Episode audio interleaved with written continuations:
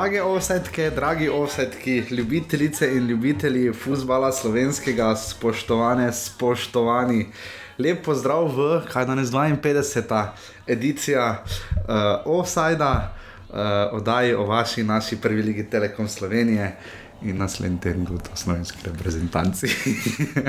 Ta je bil malo uh, nižji ton, ampak nič za to. Mnogo mi gre spolno par naprej, tudi offside. Jaz imam lepo spet vse pripravljeno, ker mi je lepo vse pripravil moj cenjeni sogovornik Klemen. Klemen, lepo zdrav. Zdrav. Servus, Klemen, kak si? Prišel boš, bo dan, ko boš rekel nekaj drugega, kot to. Nekaj bo.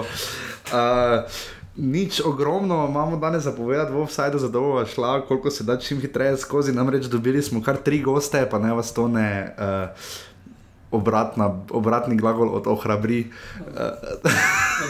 Od, no, vidiš, da gre, vidiš, da gre, vidiš, da gre. Pridemo pa še pol do rada, ali pa domžal. To nismo možni. Ne.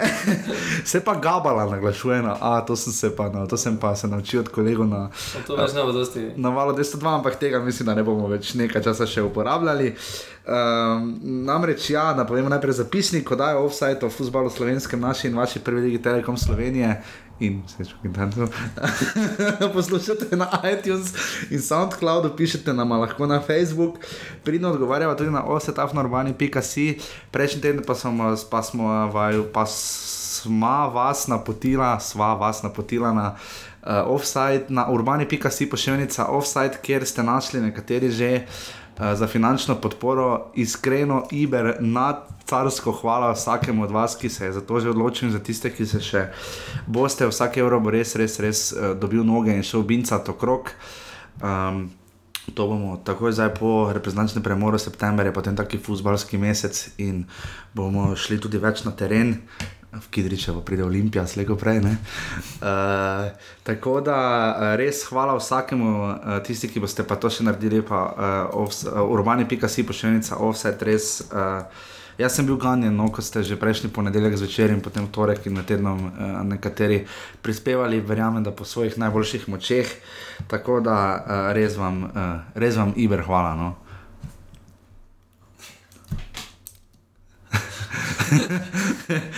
Klemen, zdaj moram reči tudi ja, Iver, hvala, ampak mi je pokazal kulico. Ni pomembno, res hvala. Skratka, eh, to je zapisnik danes, imamo tri goste, imamo eh, namreč novega vodilnega v prvi legi Telekom Slovenije, Klemen. Ne? Ja. Uh, Gorici je znova uspelo četrti klub, uh, prva, najprej so gledali žale, prve en krok, potem je Maribor en krok prvi, potem je bila Olimpija štiri kroge prva, zdaj pa je, zdaj pa je prva Gorica, presenečenje. Um, pa po mojem mnenju ne. Uh, Ne. Mislim, tudi lani, da me ni pričakoval, pa so držali formo tudi uh, po, po tistem enem krogu devetih tekem eh, med nasprotniki, so držali tudi, uh, tudi na koncu so bili blizu. Uh, po nekaj prodajah se je pač ekipa oslabila. Uh, letos, Ampak jim gre. Ampak jim gre tudi letos, tudi srebrničevo kapa dol, da uh, po spremenjenih uh, post, postavi ekipi še kljub temu drži, uh, pač z ostalimi, pač Olimpijo in Mariborom ter državami drži neki korak.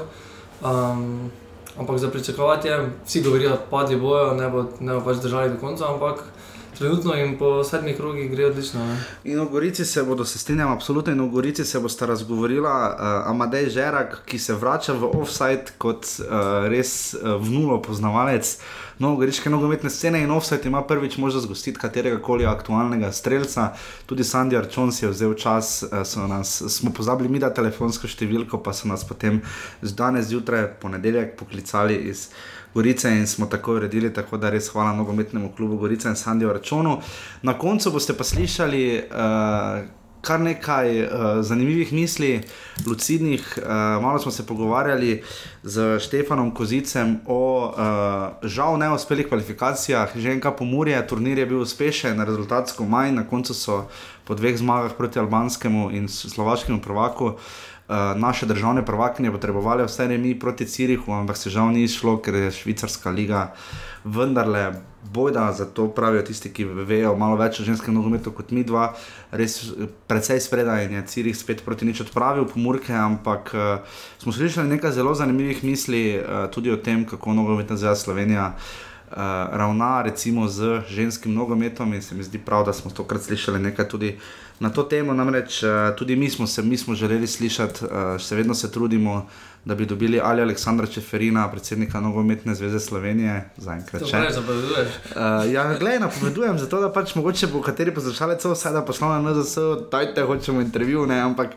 poslali smo tudi za Aleša Zavrla, uh, ki v bistvu skrbi za ligo na NZS in nam je Matjaš Krajnik Pjarovec zveze napisal, da sta oba trenutno zelo zasedena, upam, probali smo potem tudi dobiti Primoža Gliho, s katerim bi se seveda pogovarjali o reprezentanci. Uh, tako da upamo, zagotovo pa ne bomo spremenili koncepta oddaje, kot nam je bilo iz NZS uh, eh, posredno sporočeno, tega zagotovo ne bomo storili, ne vem niti zakaj bi. Namreč mislim, da v 52 edicijah Klemen uh, nam gre kar uh, precej dobro.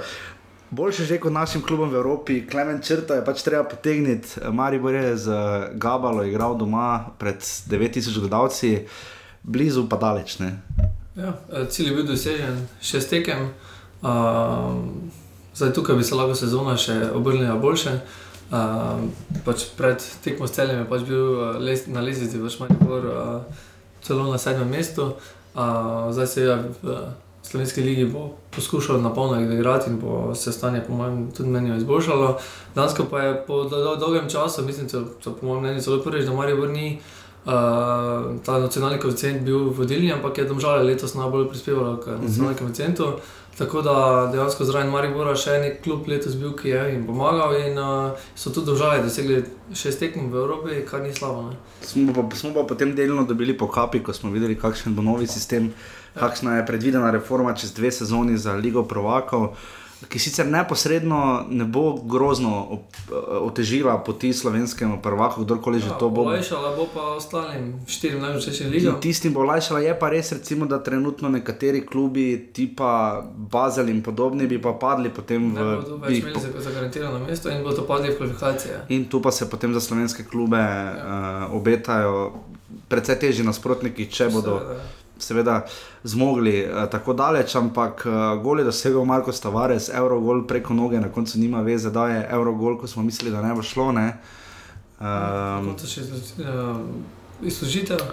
Uh, mislim pa, da je ta izložitev bolj pomagala uh, Gabali kot, uh, kot Mariboru, povlekli so se nazaj. Uh, vse se je igralo preko leve strani, na koncu ja. Jože ni imel pač dovolj moči, da bi še. Preveč je tega, ja, videlo se je, da je probo nadomestiti manjko na desni strani, ja. ker pač Šmej in Pihler res nista ja, nekaj. Sta Bohar in Jože sta res odigrala dobro tekmo, se je šlo preko njihove strani in uh, mogoče tudi zmanjkalo moči za predložek. Pa tisti strel na koncu, ja. ne Jože, ne ravno. Seveda. Uh, videli smo zanimivo reakcijo v Mariboru na stadionu, uh, gledalci so izrazito ploskali, uh, violi častim, kljub temu, da so izpadli, v tem oziru se je trud, ponovil. Je v tem oziru se je ponovil Palermo. Uh, misija, misija je bila neuspešna, ampak vtis je bil pa dober. In, uh, je pa res, da Darko Milanič pa je pokasiral žvižge v odhodu z igrišča, ne? to mu navijači nekako ne kupijo še njegove uh, taktike, oziroma mislijo, pač predvidevajo, no, vsi skupaj, verjetno tudi mi dva, da bi Maribor lahko to tekmo z malo drugačno taktiko, morda dobil, no, ali pa zasedbo. No. Ja, ampak uh, moje mnenje je, da tudi. Ta gabala ni bila nič boljša od Levskega oziroma Eberdina. Ne? Če že je bil Levski najtežji, ja, če tako pogledaš. So, ja, in so na gostovanju tudi zaostajali in so šli naprej. Uh, zdaj tukaj dejansko jim je zabankal samo en gol, 2-0 bi bilo dovolj, da bi napredovali, tako da tako daleč tudi niso bili. Ne. Res je, drugič zapored je Maribor končal sezono v kvalifikacijah. Je pa tu zdaj upam, da dokončno, da bo počasi padla ta miselnost ocenjevanja držav, ne, če škoti nam ležijo, vzhodnjake bomo itak, ne, zdaj je že Maribor drugič šel. Ja, za Kaukazije, za Kaukazije in je že drugi zapored izpadel. Vidimo pa tudi neko nogometno realnost. Ne? Čehi, recimo, ima tri klube v Evropski ligi, ne? Romuni imajo dva, ne? tudi Astana se je vrstila. Kaj ti to vidiš? Ne? Recimo Hrvaška pa ne. ne? Hajduk je prišel Marjana Pušnika do 11 metrov, ki so jih izvajali, milo rečeno, katastrofalno na polju do, uh, proti Makabiju, ki je zločil Gorica. Ne? Kaj ti misliš, ko potegnemo črto, rekel si nekaj koeficientov. Uh, iz prizme letošnje sezone, ne? ker vseeno imamo deset klubov v prvi ligi, pa štiri grejo v Evropo. Ne? To je ogromno, če tako pogledaš. Ja, naprimer za Hrvaško, ko si zmenil, bo, bo čez dve leti možno, da je imela tudi uh, dva v kvalifikacijah za Ligo Prvaka. Uh, tukaj pač uh, pri Hrvaški pač je razlika v tem, da vpliva na koeficient štiri klubi, pri nas pa pride samo dva. Uh, in to je zelo velika razlika. In tukaj se pač vsako leto uh, se ta nacionalni koeficient pri njih viša, pri nas pa je nekje na enakem. Tudi Olimpija, naprimer, za dve leti zapored ni prispevala. Ajde. Zmagali so. Pre... Trenči so zmagali, no, vsaj v vsem slabem je bilo dobro ja, tono. Vse to je, ampak. Uh, Ampak jaz mislim, da na dolgi rok eh, je možno, ampak pač problem v slovenski lige je prodaja. Ogromno, ekipe, ogromno se ekipe menjujejo. Uh, in tukaj tudi Marijo Boro vidimo, da je sprememba, možno da bo tudi zdaj spremembe še v zadnjih, uh, v zadnjih treh dneh, uh, koliko še prestopni rok traja, da se bo še ekipa spremenila. Uh, videli smo že, Luka Zahovič je prišel. Ja, Mezga se je vrnil. Ja, Mezga se je vrnil, torej dva prihoda, možno da bo tudi dočel. Uh, in pri teh klubih je problem, ne? tudi pri Domžalah smo videli Črnico, Čev, Trakovski odšel. In, uh, tu se Gorica, o kateri bomo nas več govorili, najboljše znašla. Ja. Ki je imela tudi odhode, ne? ampak nekako ja. uspeva nadomeščati, ker Domžalam pa trenutno ne gre ne? v tem oziru. Ja, tako da je po, po, po, pomembno je v Evropi zadržati neko ekipo, uh, spomladi nadgraditi to in uh, tako po kratkem premoru napadati vendar je tu problem pri slovenskih pač klubih, da ogromno da je pač pomembna prodaja in uh, težko je zadržati neke igralce. Bili smo v sedmem krogu prve lige Telekom Slovenije. Uh... Jaša ni preštel, koliko se je zbralo gledalcev, uh, relativno solidna številka, no, uh, lahko bi bila boljša. Uh, vidim, da je spet v Ljubljani, različno pred našim, pa po našem štetju, uh, pri uh, omembi, koliko ljudi se je zbralo, navijačev v Ljubljani, ampak kakorkoli že. Uh, v bistvu je bila zelo dobra tekma, Janez Žilnik dobro dela, odkar je prišel v Radomlje. Radom je krško, prva tekma v petek, sta bili že kar dve tekmi, dve proti dve. Um, res pa je, da so, da so krčani obrnili rezultat, dva proti ena, potem pa je Žan Rok Baskera, ki je, vse, ki je v bistvu dal gol za dva ena, pa potem kot je sam priznal, to je izjava tega tedna, da potem pa sem jaz naredil neumnost, ne, kar je zelo lepo, da nekdo tako na glas prizna. Uh, Radomne so pokazali, zdaj se zdi, pod, uh, Žilnik je rekel, da razumejo zdaj malo boljši njegov sistem, da vejo, kako nadgraditi svoje. Prednosti. Imáš občutek, da je radomlje nekako vsi bi radi potegnili krško dol. Ne? Radomlje bi si zelo želeli, da bi krško dol padlo, ne? ampak krško se ne da. Kaj ti ta dva, dva razumeš? Ne? Je to dobro za radomlje, krško ali slabo za oba? Najbližje pa je celje. ja. da, zdaj, tukaj je pač uh, krško, je po mojem boljše, boljše, boljše trenutni pač formi kot, cel, uh, kot celje. Tudi aluminij je bil uh, zelo dober v ljudskem vrtu. Tako da vprašanje, kdo se bo boril za spodnji del. Uh, vseeno pa radomlje brez zmage in tu pač je problem dohitevati, uh, dohitevati nasprotnike.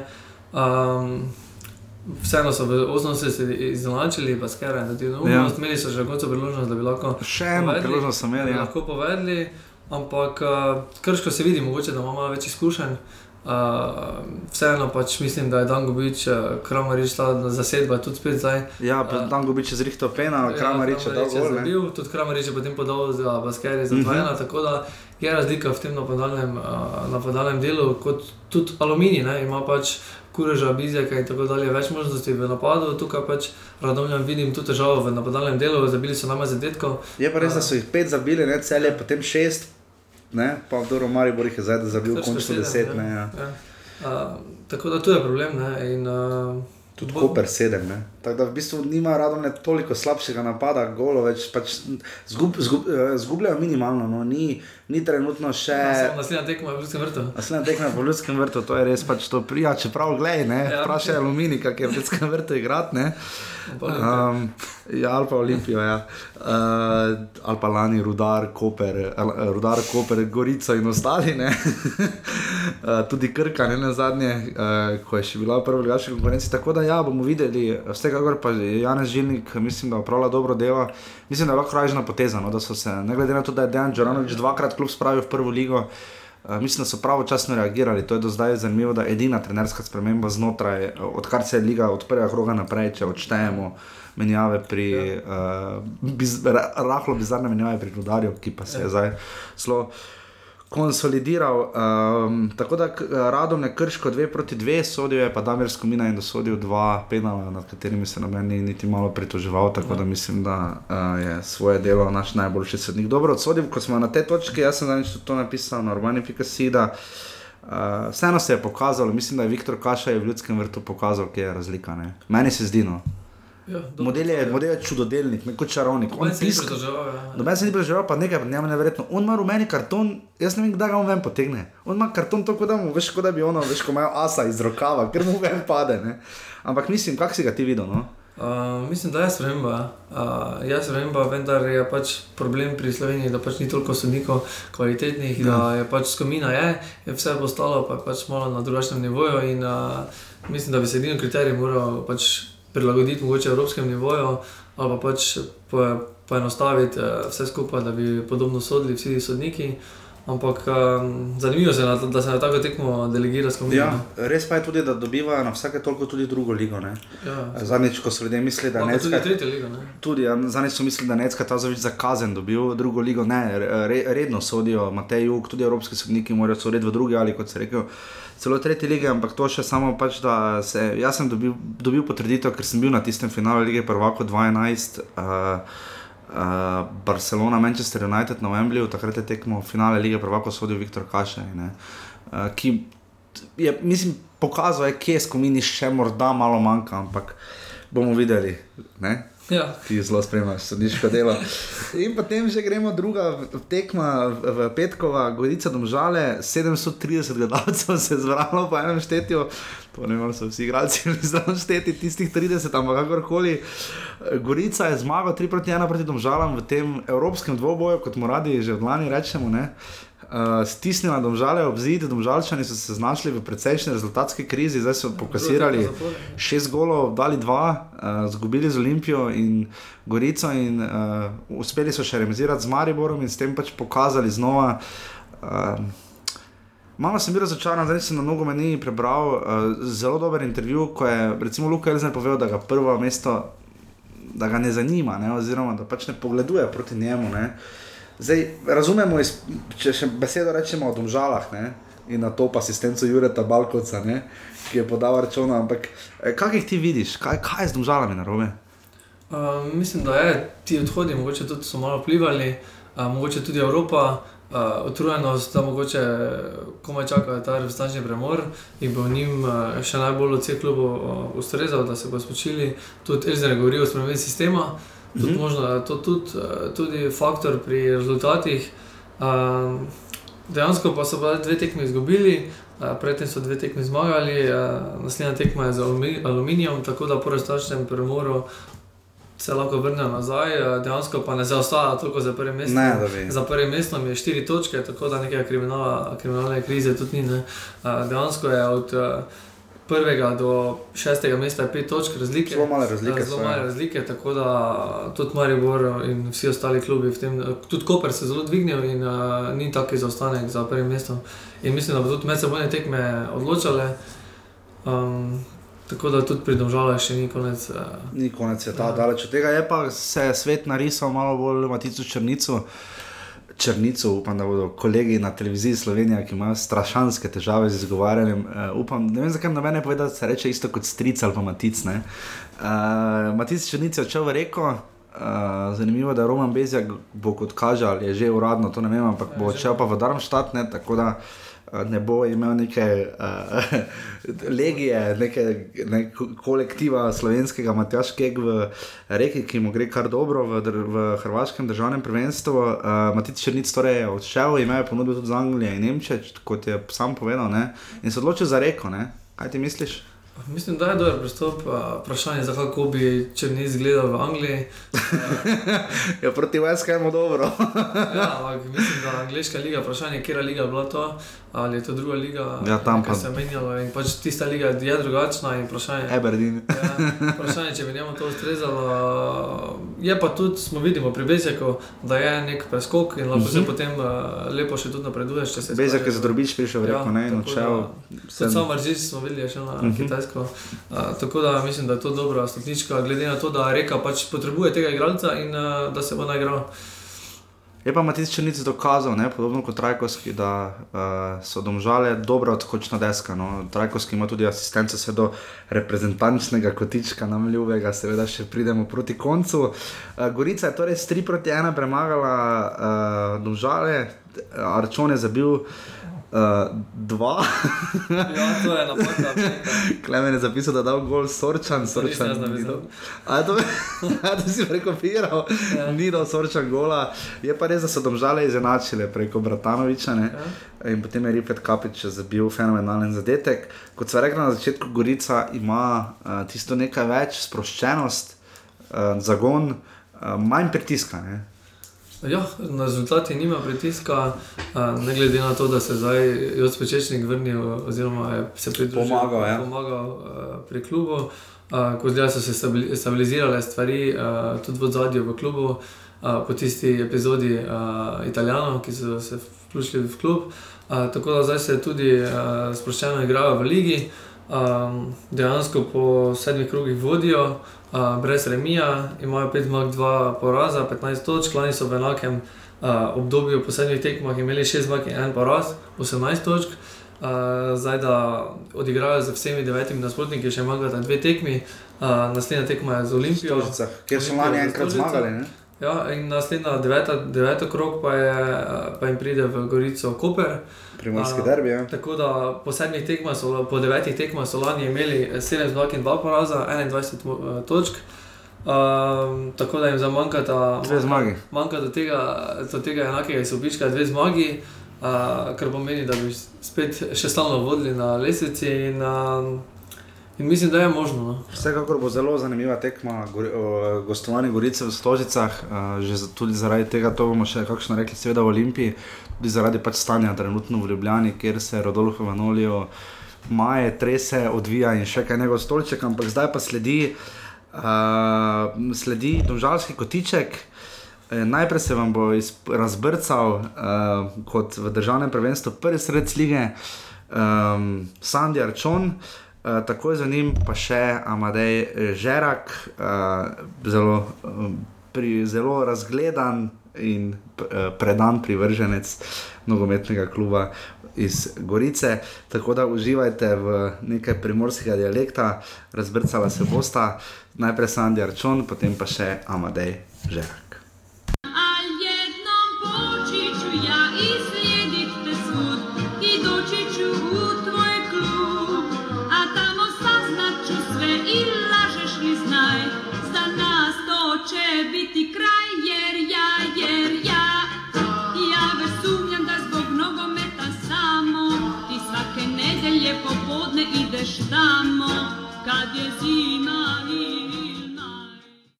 Tako, z nami je uh, prvi strelec lige, mislim, da to prvič v Ovsedu gost je Sandy Arčon, ki je uh, zbobnal dva zadetka domžalam uh, v petek in tudi zelo izdatno pomagal, da je Gorica na prvem mestu. Sandy, lepo pozdravljeni, dober dan. Lepo zdrav, živijo. Um, katera podaja je bila lepša, tista vašega soigralca ali ko vam je Jure Balkovec žogo podal za drugi gol? ja, eh, mislim, da je bila prva lepša, ker je bila namerna, ne? druga se je pač zgodila. Uh, ampak bili ste pa na mestu zelo odzivni. Uh, res je Balkovec žogo verjetno v najboljši meri dal nazaj, ampak ste bili na mestu osredotočeni. Uh, je morda to zato, ker vam je letos tako šlo v sezoni in ker ste ne na zadnje prvi strelec? Ne? Ja, sigurno je to tudi kakšen faktor v tem, ja, kot ste rekli. Zdaj, treba je biti sigurno skoncentriran vedno, tako da jaz v tistem trenutku sem bil in se mi je izplačala. Uh -huh. uh, vas, koliko, koliko vam pomeni, da ste prvi strelec lige? Ne, ne na zadnje, uh, to koristi Gorici, koristi vam, koristi vsem. Uh, koliko tu pogledujete, kdaj na lestvico ali pa ste v preteklosti? Ne?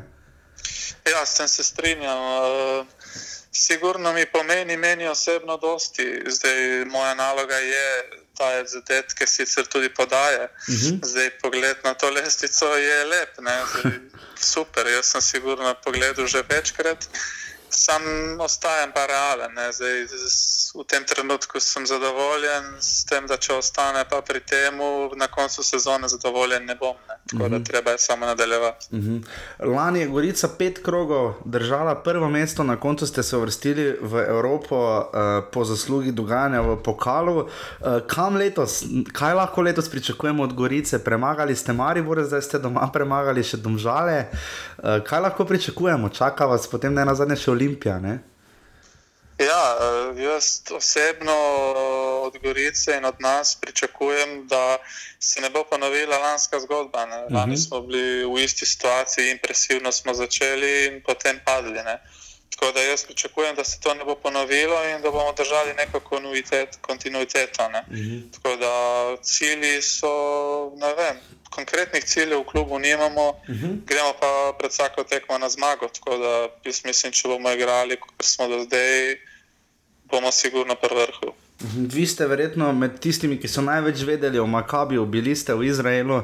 Uh, kak, kako ocenjujete ta štart v sezono, ki, ki zanimivo ni bil usoden? Ne? Makabi je bil, se zdi, kot da je ena povsem ločena zgodba. Ne? Ja, zdaj moramo tudi se zavedati, da je v tem trenutku razlika med nami in Makabijem res velika. Uh mhm. -huh. Že v sami strukturi kluba, vlaganju v klub, igravcih in tako naprej. Jaz bi rekel, da tako, to je bila res ena lepa izkušnja za nas, ker nismo vajeni tega, tako kot Marijo Rena Olimpija, naprimer, ko igrajo vsako leto v Evropi. Uh mhm. -huh. Ena dobra izkušnja je bila zdaj tudi ko zgubiš proti bolj kvalitetnemu tekmecu, sigurno vseeno tisti grenk pri okusne. Tako da Mi smo bili prav zadovoljni s tistimi dvemi tekmami, ma smo veseli, da se ni to poznalo v prvenstvу. No? Tako da je ena lepa izkušnja za nami. No? Mhm. Počutite se pa v redu, eh, čeprav govoril sem prej z enim od navijačev uh, Gorice. Uh, verjetno bi si želeli malo večjega obiska. Recimo lani je bilo sploh na tekmah z Mariborom in Olimpijo preveč, pre, precej več ljudi kot letos, recimo proti Mariboru, ko ste po vrhu še premagali Violi časte. Kako zadovoljiti goriško publiko? Ja, temu bi lahko rekli vprašanje za milijon dolarjev. Tako, ne vem, lani smo imeli tistih sedem zaporednih zmag in vse je bilo medijsko izpostavljeno, smo bili vse bilo okrog nas in potem se je res napolnil stadion. Ne. Moramo se pa zavedati, da Nova Gorica res nikoli ni bila tisto pravo nogometno mesto. Že deset let nazaj, ko so bili trikrat zapored prvaki, uh mhm. -huh. nikoli nismo doživeli, da bi vem, tri tekme zapored bil poln stadion. Tako da Obisk ni njih tako, kot bi ga lahko pričakovali, lahko bi se kaj več gledalcev zbralo. Sam pač tako je, Gorica tudi ni tako veliko mesto ni tako nogometno, samo jaz mislim, da z našimi predstavami sigurno povabimo kakšnega večno. Mhm. Čutite morda kaj vseeno pritiska, ki ga strajno recimo zavračajo domžale, ki nekako nočejo poseči v dvoboj Maribora in Olimpije. Zdaj se zdi, kot da ste zdaj vi naslednji, legitimni naslednik uh, tega, ki bi iz dvoboja naredil troboj. Čutite kaj te uh, želje, pritiska, kakorkoli, kako, kako kotira Gorica v primerjavi z Mariborom in Olimpijo. Ne? Zdi se, da, da bi lahko bila resen tekmec. Ja, mi zdaj tam, kjer smo, jaz ponavljam, mi smo sigurno zaradi kvalitete, ker če pogledam naše tekme do zdaj, mi nismo zmagali po nobeni sreči, nič mhm. -huh. ni se zgodilo, vse smo si zaslužili. Uh, Tako da zdaj, ko se nas omenja za nek trovoj ali pa četveroboj še z nožalami, mm -hmm. mi smo sigurno ponosni na to, da smo omenjeni v tej družbi.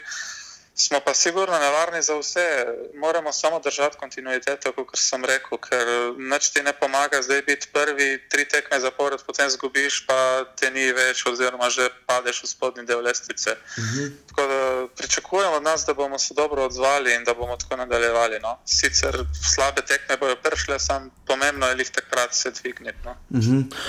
um, recimo, rok Krona Veter je dokazal pri svojih 29 letih, da se da še tudi do reprezentacije reprezentance prid, graditi kariero naprej. Vi ste stari 25 let, uh, kakšna je tu vaša nogometna pot, kaj vam nudi prva slovenska liga? Se zdi, da je vendarle lahko dobro skočna deska tudi za zrela leta, ne? oziroma počasi v zrela nogometna leta, v katera stopate vi.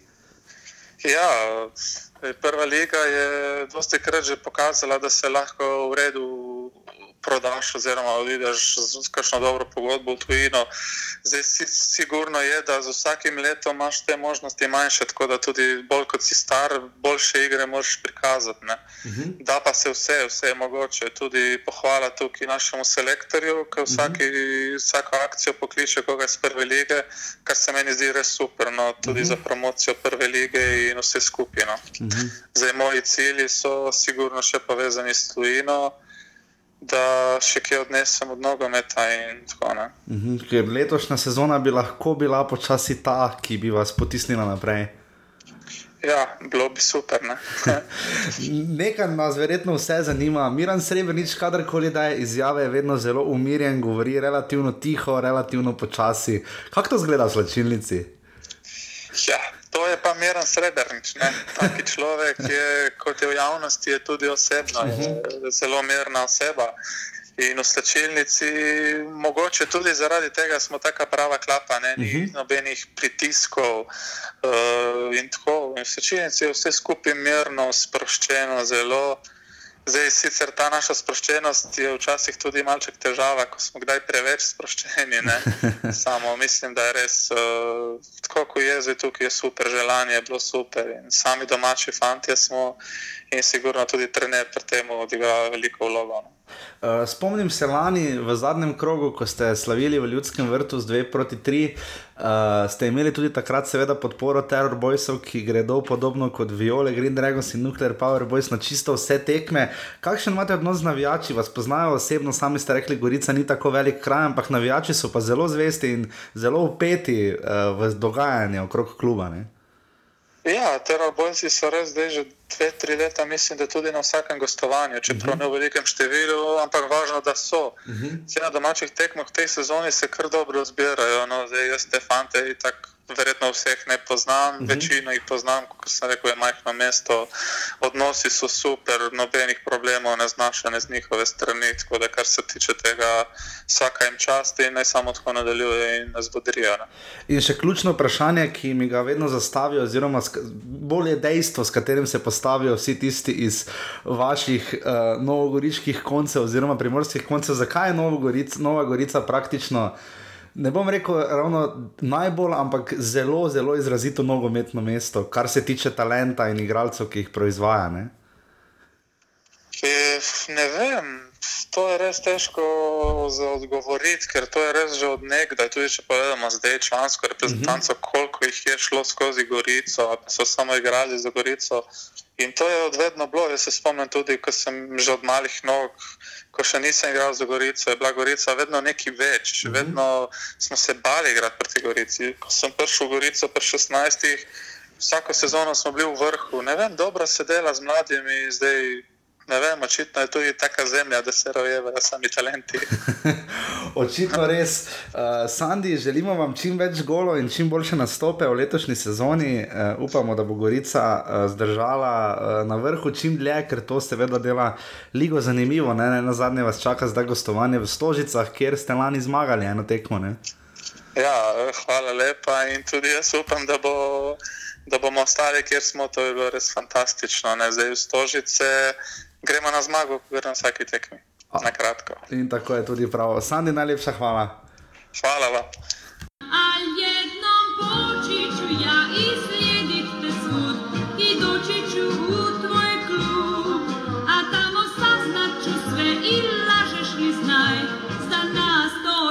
Biti kraj, jer ja, jer ja, ja, več sumnjam, da zbog nogometa samo ti svake nedelje popoldne ideš tamo, kad je Uh, tako, uh, povratnik v offset, kar po nekaj časa se je vrnil uh, Amadej Žerak, ki je seveda povratnik tudi zato, ker je povratnik na vrh uh, prve lige Telekom Slovenija. Tudi njemu ljub in blizu klub uh, Gorica, uh, Amadej, dobro jutro, dober dan. Zdravo, Jaša, dober dan. Dober dan. Uh, Amadej, kakšni so občutki po petih krogih lani, ko je Gorica kar nekaj časa vodila na lestvici, pet krogov je, je spet, spet na vrhu, ne? kljub ki je ipak bil štirikrat državni prvak. Uh, kakšni so občutki, uh, kako dolgo bo tokrat Gorica zdržala na vrhu? Ja, občutki so zelo dobri. Uh, mislim, da je letos stvar. Uh, malenkost eh, manj pričakovana kot lani, ko smo se znašli na vrhu lestvice. Uh, to pa zato, ker je bila ekipa deležna pred sezono uh, takih malo večjih kadrovskih sprememb, počeli so nekateri pomembni nosilci igre, uh, predvsem z odhodom Meleke. Uh -huh. Smo, je obstajal nek tih strah, da uh, bo igra v napadu nekoliko trpela, ampak uh, kot smo videli, zdaj je trener Srebrenic uspel sestaviti z res homogeno ekipo, uh, ki deluje za moje pojme še bolj preprečljivo kot lani, uh -huh. ker uh, igra bolj kot ekipa in je manj tistih. Uh, Prepihov v obrambi, bolj so kompaktni, fanti igrajo tudi na, zelo zrelo v fazi branjenja. Eh, letos smo videli, da Gorica precej več teži k, te, k igri, k posesti žoge, eh, kar lani ni bilo tako izrazito. Smo bolj ali manj bili ekipa, ki se je zanašala na hitre proti napade, s tisto lahko konjenico spredi. Mhm. Eh, letos pa je nekako smo isto pričakovali tako igro, ampak kot smo videli zdaj. Uh, smo tudi s, predvsem z Refetom Kapičem na sredini dobili enega igralca, ki je v odsotnosti Džuzdanoviča res uh, ključni mož te zvezdne vrste Gorice in ki je močan na žogi, je samozavesten in uh, zelo dobro razigrava ekipo. Uh, predvsem pa je tle največja zasluga za moje pojme, uh, kot sem že rekel, od uh, trenerja Srebrniča, ki je za moje pojme daleč najbolj spregledan oziroma podcenjen strateg lige, ki bi si sigurno zaslužil za to, kar je on naredil v zadnjih dveh sezonah na klopi Gorice. Mhm. Gorice je več uh, pozornosti strani in medijev, no, in nekako tudi uh, širše javnosti, ker imam občutek, da vseeno se na Gorico gleda bolj kot na eno muho, eno dnevnico in mm -hmm. da se ne ceni dovolj uh, tega, kar je Miran Srebrenic uh, v danih finančnih okvirih in tudi drugih uh, objektivnih okoliščinah uspel narediti te mlade ekipe. Mhm. Ampak, če vzamemo kontekst Gorice, jaz sem sicer med vikendom pisal, če bojo na, na voljo za izjave, odgovora še nisem dobil, upam, da bomo tokom tedna ali kdaj v prihodnosti tudi dobili. Jaz sem mogoče včasih primerjeno srebrničo dobil občutek, tudi če sem ga kdaj sam kaj vprašal, uh, da mu morda ta vloga uh, malo medijsko nazaj povlečeno, če recimo primerjamo vem, z Luko Elznerjem. Ne? Da mu je vem, tu mogoče malo bliže zgodba bila, jer ne, Javornika iz Rudarja. Ne. Tudi spomnim se lani izjave, da so recimo novogoriški navijači, kar boš ti vedel iz prve roke, seveda boljše kot jaz. Uh, da so novogoriški navijači precej bolj uh, zahtevni in da mogoče ni najbolj lušno igrati pred čisto polnim stadionom. Oziroma, tu mi razloži, uh, če morda ta vloga Gorici, ne, se strinja, muha ena dnevnica, zagotovo ne, ampak morda Gorici ustreza bolj ta vloga nekakšnega četrtega kluba. Ne?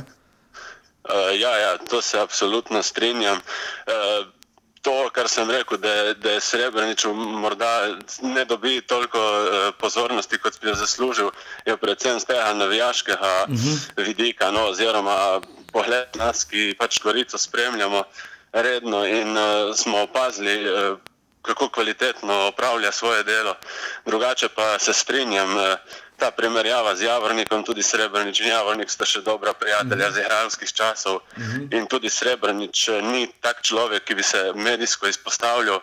Njemu bolj paše delati v miru, eh, stran od eh, teh soja žarometov, če se tako izrazim. Mm -hmm. In tudi Gorici kot ekipi je ustreza bolj, da se javnost oziroma da se mediji bolj ukvarjajo naprimer s problemi Maribora in Olimpije in da, potem, eh, da imajo potem goriški igravci dejansko misli zgolj in samo pri nogometu, da jim ne stopi v glavo ta uh, pozornost oziroma popularnost, da bi se znašli na vseh straneh, vseh medijev.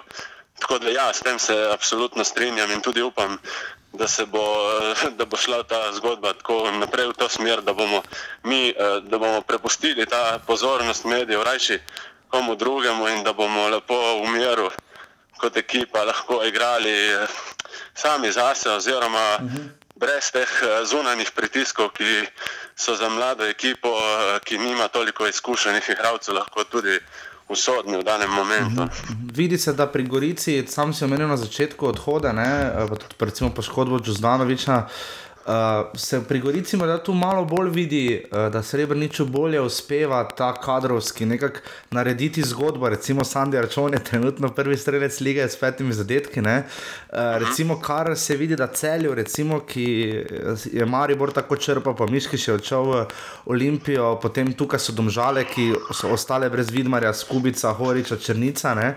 Da tu, da tu gori, Gorica, morda kar se je pokazalo uh, na petkovi tekmi, da proti domžalam je Gorica tu naredila letos dovolj velik napredek, oziroma to srebrničevo miselnost, da lahko zbije domžale kot nekako samoumevno tretji klub. Ne? Ja, se strinjam.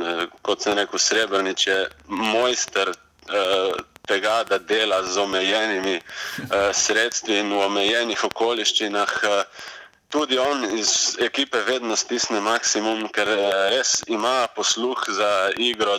Vidimo tudi med samimi tekmami, da odlično bere igro in te eh, situacije pravi, pravočasno reagira, sklopi. Tudi, in, eh, tudi proti domžalam je recimo.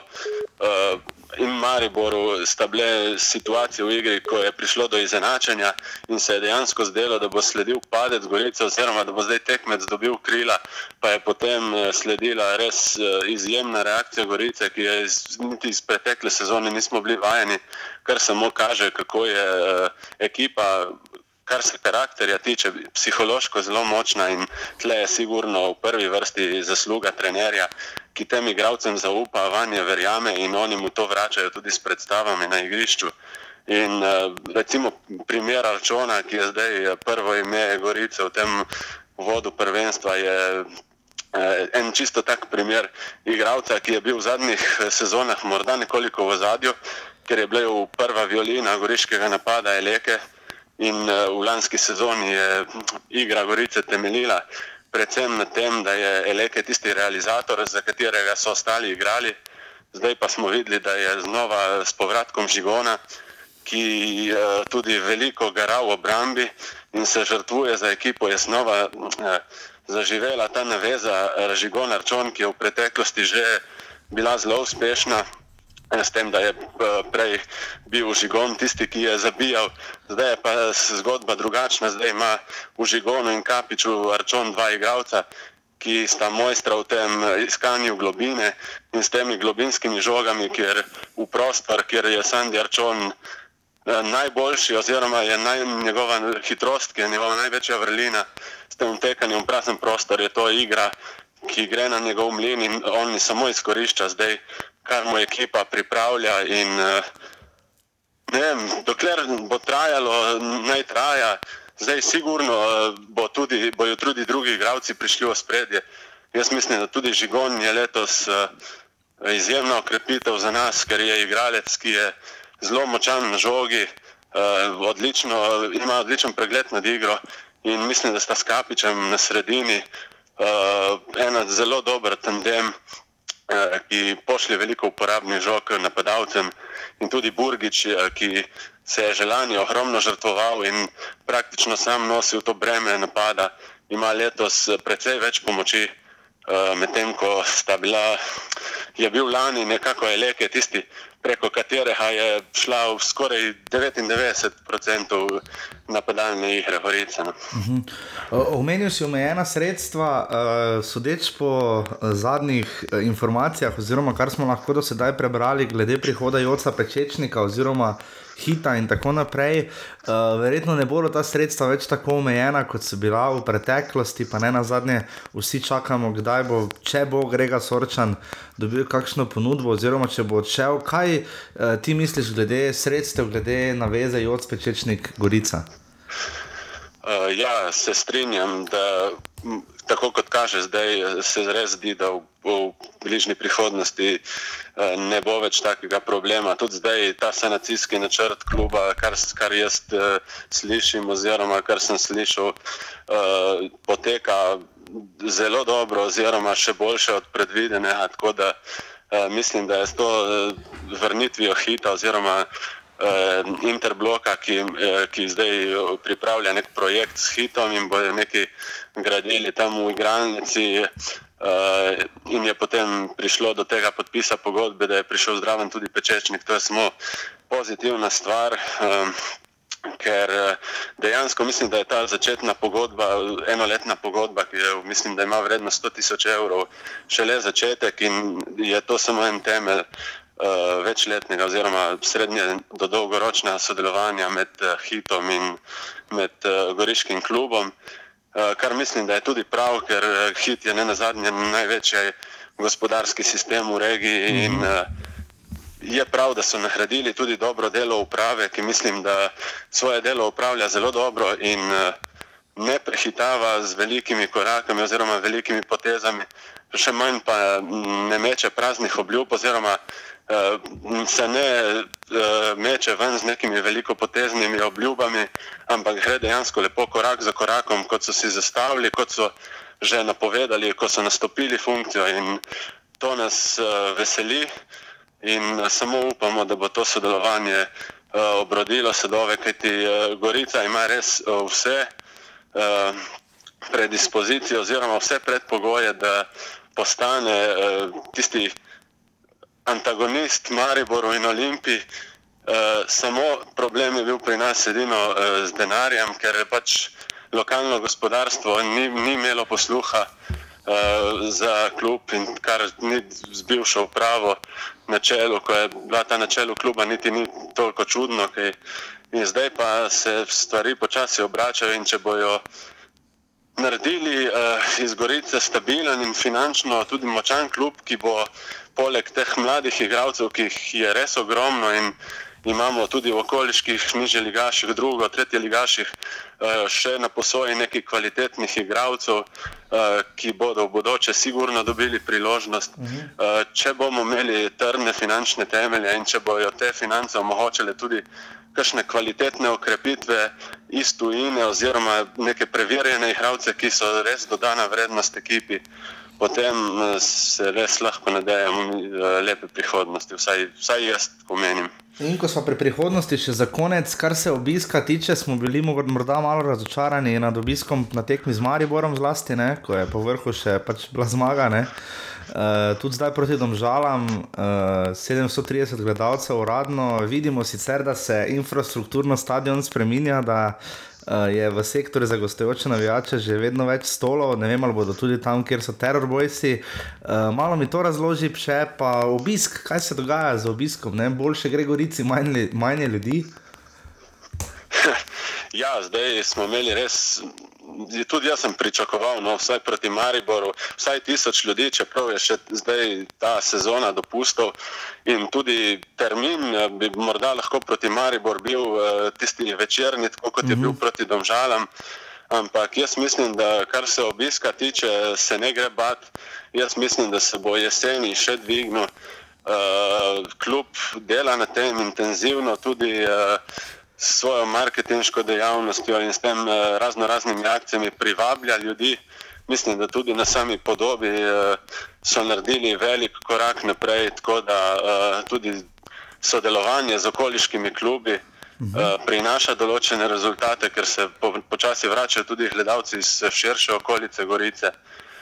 Kar se pa samega stadiona tiče, ja, tisti, tisti gostujoči sektor je zdaj končan in izgleda zelo lepo. Uh -huh. uh, morda niti stolov ne bi rabili dajati tam, ker vemo, da je navijaška tribuna. Je, bi bilo dovolj, če bi samo zalili tistih dve, tri stopnice z betonom in uh -huh. je to to. Uh, naš sektor pa tudi bo v bližnji prihodnosti deležen neke prenove, tiste montažne tribune, uh -huh. ne bi se umaknile in ne bi se tudi tam nekaj zabetoniralo, ampak je to zaenkrat ni še nič konkretnega, so, so samo neki ustni dogovori bili, tako da bomo videli. Pustimo čas v čas. Jaz mislim, da kar se obiska tiče, skratka, se ni treba bati. Mislim, da, bo, da bomo počasi prišli tudi na številko tisoč. Še posebej, če bo ekipa nadaljevala s takimi predstavami, oziroma predstavami, če, bo, če bojo igralci še naprej kazali tako odnos in se tako borili za barve kluba, jaz mislim, da se ni zabat, da bi tudi lokalno okolje prepoznalo to in eh, nagradilo ekipo in strokovni štab za njihovo uspešno delo. Absolutno in mislim, da si Gorica tudi zaradi takšnega gosta, kot je bil Amadej Žerak, zasluži. Uh, čim lepšo in čim boljšo nogometno zgodbo, ker je vendarle Gorica spisala kar nekaj fenomenalnih poglavij v slovenskem futbalu.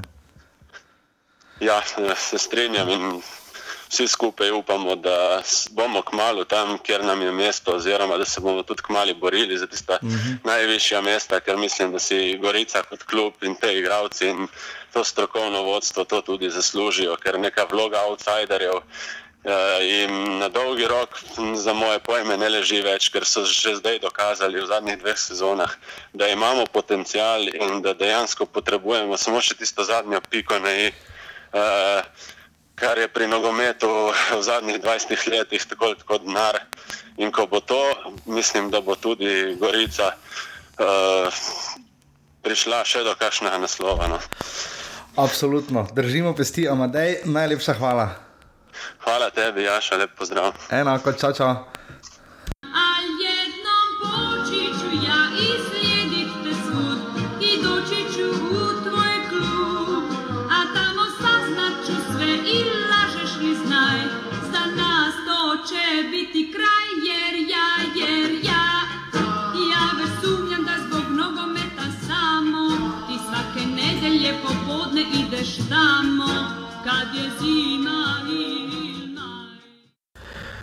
Tako to je torej bil uh, novogoriški kotiček, upam, da ste uživali, bomo provali tudi, seveda, ostalim klubom nameniti toliko pozornosti. Klub, ki smo ga res najmanj do zdaj imeli, uh, je verjetno bil Koper, tako da upam, da bomo tudi uh, na obalo kaj bolj uspeli pogledati v bodočih krogih. Torej, Gorica, domžale 3 proti 1, potem je pa sobotna tekma. Uh, jaz sem na eni poroki in je nekdo ob dveh zjutraj povedal, ker sem čisto odklopil za en večer in mi je nekdo povedal, da je Olimpija izgubila doma. Ne vem, mislim, da, uh, da se nekdo zabava, ampak ne, čisto za res Olimpija je porodarjo znova izgubila doma, ne? spet za ena proti nič. Uh, Olimpija ima očitno resne težave, sodeč po tem, kar je, kot sem danes zjutraj navalo, da so dva poslušal, rekel tudi uh, rok korona veter, kot je Sandiš Kvarč namignil, da je verjetno korona veter, kaj med besedami rekel, ker je rekel, da je bila tekma v domžalah preblisk, ni bila ta padec ne, in da bodo odgovorni v klubu že vedeli, kako in kaj. Kdo je, bil, kdo je kriv za uh, gol uh, Rubena Belime, uh, uh, Bajrič? Kirm, še liga, vanoli, publika, ljubljanska mentaliteta ali srečko katanec. Mislim, da muslimo več. A muslimo več je kriv, da je dal Belima gol. Zakaj? Krivo, ne, vse. A ja. Ja, tehnično gledano, vidiš to, spač, no, vidiš, zdaj imaš pa ti lahko sediš, kot tiček, izvolite. Klemen se vam bo izpovedal v svoji uh, repenčanju, no, da slišimo. Uh, ne, mislim, da pač res, da se je zakrival pogled dva, dva igralca, mislim, da je Muslimovič še bil en zraven. Uh -huh. a, bil je prepovedan po položaju, vprašanje pa, če ga je toliko viralo še ligo. Ker mislim, da če pogled oviraš, če pogled oviraš, ne vem, vprašanje, no, tu smo pač tanki ja. za offside, ne. Uh, Nekaj ta zovič ziger. Ja. ja, je pa Koper z tem zadetkom po štirih letih zmagal v Ljubljani na gostovanju, tako da um, so neko tradicijo podrli. Um, Olimpija je imela ogromno priložnosti. Ogromno. Za Rifovič dve. Za Rifovič dve priložnosti. Tudi, tudi Zajec, prečko je zadeval. Ja, uh, in žoga ni šla čez črto. Je pa res, da če ne bi tam bila tista slama ali karkoli je že nametano pred golom uh, Olimpije, je možno, da bi se žoga v gol odbila. Ja. Je možno. možno je na, možni so tudi škropilniki v 78 ja. minuti. To so nastavili, ker sem mislil, da bo že 2-0 vodili. Ja, ampak zanimivo, ta varec je bil strašansko jezen. Ampak ja, če smo tu, eh, zajcev strelj je bil res fenomenalen, uh, ampak Olimpiji nekaj potem zmanjka. Kaj misliš, da je tu narobe? Zakaj mi žoga v gol potem? Ne, ker spred, sam si naštel priložnosti, je bilo malo morja. Uh, kar nekaj priložnosti, ja. Um, Mislim, da tu za ostanek je problem, ko enkrat Olimpija pride za ostanek, nam vprašanje, da lahko obrne. Razen Marijo. Ljudje vrtu, je, videli, videli smo tudi na ruskih tekmah, da je stalno zastavala, uh, poskušala izenačiti, ampak uh, takšna postavitev pač ne ustreza, po mojem mnenju, uh, postavitev v Nolija ne ustreza igralcem Olimpije, da bi lahko igrali še bolj napadalno. Uh, in, um, In dejansko, ko je ustrezalo, popeljali so se nazaj in se organizirali, branili. Uh, tako da je pač tudi, tudi premalo strela bilo na gol. Uh, Eh, štiri streli uh, mhm. Olimpije, dva uh, streljala Kopra, uh, posest je bila tu, nekaj, tu nekje. In, um, na koncu koncev je pač Koper uh, zasluženo zmagal, se je zavihtel celo na tretje mesto. Bomo videli, Koper je tu, uh, ja, zdaj zelo pritisnil na vrh, kar je za čudo, glede na to, kako so začeli. Pa smo mislili, da se točno zmaga, Koper. Kopra, ja. Ker smo na začetku rekli, da ekipa ima Koper dobro, ampak za trenutek morda še pri Olimpiji govori se, da bo Leon Benko prišel v Olimpijo, ampak je res občutek, meni se zdi, da Olimpija ima dober kader. Poznam ljudi v Mariboru, ki pravijo, da ima Olimpija boljši kader individualno gledano kot Maribor za prvo enesterico. Imam občutek, da mogoče kemija igralcev ni uh, na nivoju, tukaj vidimo sploh eleke velikonja. Ja, gro, uh, grozno, no, ni pač, drugih besed. No. Se mi zdi, da se že krega med tekmo, uh, vprašanje, kako je na treningu. Uh, in tukaj se vidi, mogoče, da ni. Uh, ni na takem nivoju, kot mogoče trenutno v Marevoru. Uh, in, uh, in tukaj bojo pač mhm. problemi, ko bo, ko, ko bo še več takih situacij v zaostanku, ko se vidijo odrasle ekipe, timski duh in uh, mislim, da so tu problemi uh, tudi pri komunikaciji s trenerjem. In, uh, mhm. Vprašanje je, kdaj se bo odločil za zamenjavo, če bo še ja, taki rezultati. Pušnik je letel za precej manj, ja. ampak Vanolje je, je definitivno rešil derbi. Uh, pri Kopru pa je zanimivo, ne, ne zdaj, da bi tako nacionalno pa stereotipiziral, ampak uh, imam občutek, da je Milan Obradovič tak. Um, Slovenski trener mi deluje tako zelo umirjen, preprost, uh, nekompliciran, ne, tako drugačen pristop, na vse podobno tudi Slobodan Krčmarevič pri Rudarju. Uh, Koper je to realni domet, ne, bo zdržal tako visoko ekipo, imajo dobro, je pa res, da jim še vedno veseli senčna. Uh. Uh, zgodba nad glavo, ne? če jim bodo točke vzeli, ne bo lepo. Možno so zdaj osmi. Ja. če bi devet točk vzeli, so deveti. Bomo videli, kaj bo s Koprom, vsekakor pa Milan Obradovič dobi nagrado za trenerja kroga, mislim, da že drugič uh, v tej sezoni. In potem sta bili še dve preostali tekmi sedmega kroga v nedeljo. Um, aluminij smo pričakovali, da bo zmogel precej več po odmevni zmagi prejšnji teden uh, proti Rudarju doma, ampak nič proti tri. Mislim, da je tudi Rudar s tem napovedal uh, resno zgodbo, ki mu očitno mu ležijo gostovanje, če sodimo še po stožicah. Ne? In John Mary je imel vrhunsko tekmo, mislim, da trenutno ena najboljših ukrepitev, če pogledamo po vseh klubih z Mariborom in Olimpijo vred bi lahko rekla, da je najbolj štiri gole, da ne drugi sredec lige. Je, ne. Dvakrat po dva. Ja, dvakrat po dva. Um, Kaj bi ocenil ti to tekmo? Mislim, jaz jo. Aluminij je imel priložnosti, spet, pa spet vratnica, pa spet ni šlo. Ne, da, ko, lim, ko aluminij ne gre, zgubijo, to je njihov problem. Uh, ja, en remi imajo samo. Ne. Tudi aluminij je zelo spremenil ekipo, ne? tudi uh -huh. zelo razvek prišel iz Orča. Uh -huh. uh, in tukaj se vidi, mogoče tudi malo neogranosti. Uh, Prejšnjo tekmo so pač na krilih zmage odigrali pač na, na čisto drugačnem nivoju, čisto drugačna tekma je bila, zdaj, zdaj se je odigrali doma, uh, 600 gledalcev, kar se mi zdi pretirano, številka, ampak ok. Um, zdaj so pač gladko izgubili, uh, gladko bili za Maribor, za primerjavi z Mariborom, uh, meni je imel dobro tekmo, tudi nastavil tretji zadetek, mm -hmm.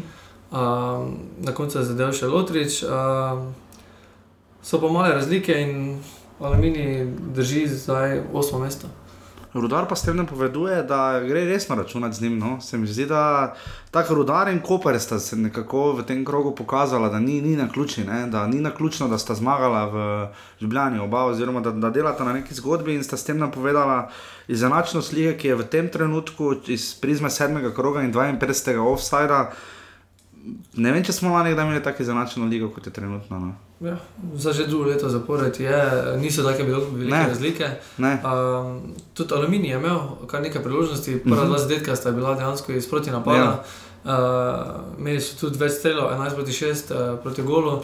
In uh, pač aluminij je dobil, uh, je pač igral drugačno tekmo kot v Mariboru. Maribor je igral na, na proti napade, zdaj so on dobili, oni dobili zadetek iz proti napada. Tako da uh, je pač možno tukaj, da vsak premaga vsakega. Ne? Absolutno. Ima pa aluminij prvega, prvega asistenta lige. Ne? Tako, uh, Matic Vrbanec, uh, štiri podaje in uh, kdo je bil oni prvi, da se mi izglašal. Uh, ni bil Trajkovski na koncu vseeno. Ne, uh, ne bomo pogledali. Hm, zanimivo, da smo pozabili. Ne pa ne, nekdo drug, je, nima veze. No. Uh, bova pa pozorno bova pogledala za naslednjo oddajo. Um, in zadnja tekma, potem uh, sinoči v Areni Petrol 2800 gledalcev, sicer to je, se mi zdi, malo so face to prešteli, sodeč po videnem. Uh, 2800 gledalcev je videlo precej uboren prvi polčas.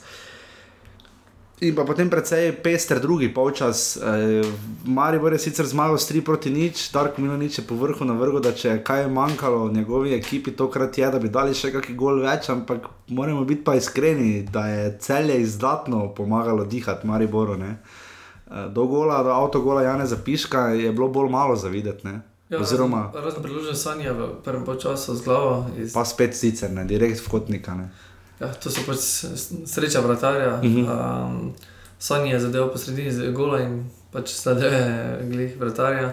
Uh, na koncu pa so sovereno zmagali. Sovereno zmagali tudi Kapha, v prvem času še en strel, ampak. Uh, tam Salalihov predložek, ne verjamem, da bi končal, uh, ki je smiselno ali da bi našel svoj cilj, karkoli že je cilj bil, kar pri Izraelcu nikoli ne vemo, kaj je. Ampak uh, je.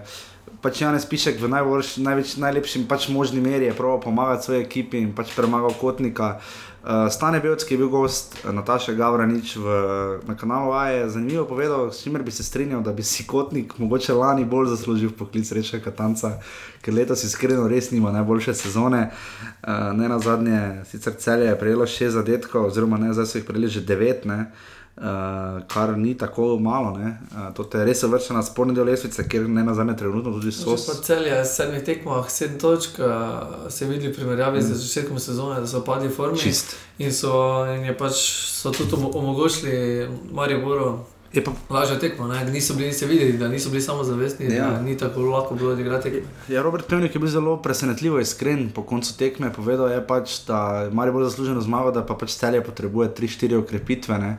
In je pod, pod vprašanje namigovalo v smer, če bo še ostal, kaj zdaj se obeta. Uh, mislim, da je zelo fair povedal. Da... Vprašanje je, če lahko tri da bi jaz zdaj toliko okrepitev, okrepil jih je volaš.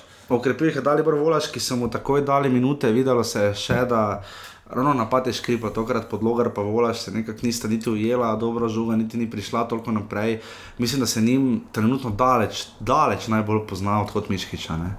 s katerim so začeli že del sezone. Ne? In uh, uh, Miškič je igral seveda pri Olimpiji in uh, Uh, ima pevnih prav in imamo občutek, da pač dal vedeti, da kdorkoli bi v tem trenutku postal trener celja, ne bi s temi fanti mogel narediti kaj več, ker so res oskubljeni. Če pogledaš Maribor, Maribor je kupo štiri igralce od tam, odšel je Verbič, odšel je Miškič, ne? mislim, tega je res ogromno. Uh, vrhove Cani Ahmedi, Bajde že predtem, uh, je, je kar uh, celje oskubljeno in uh, je škoda, no? ker Ker ko pogledamo zdaj, Miškič se počasi lovi v Olimpiji, Bajde je bil na tribuni, uh, Sani je potem dal gol, vrhovec je zdaj stopil iz, v drugem polčasu, ker se mi zdi, da mu je padla ta neka želja, seveda ne.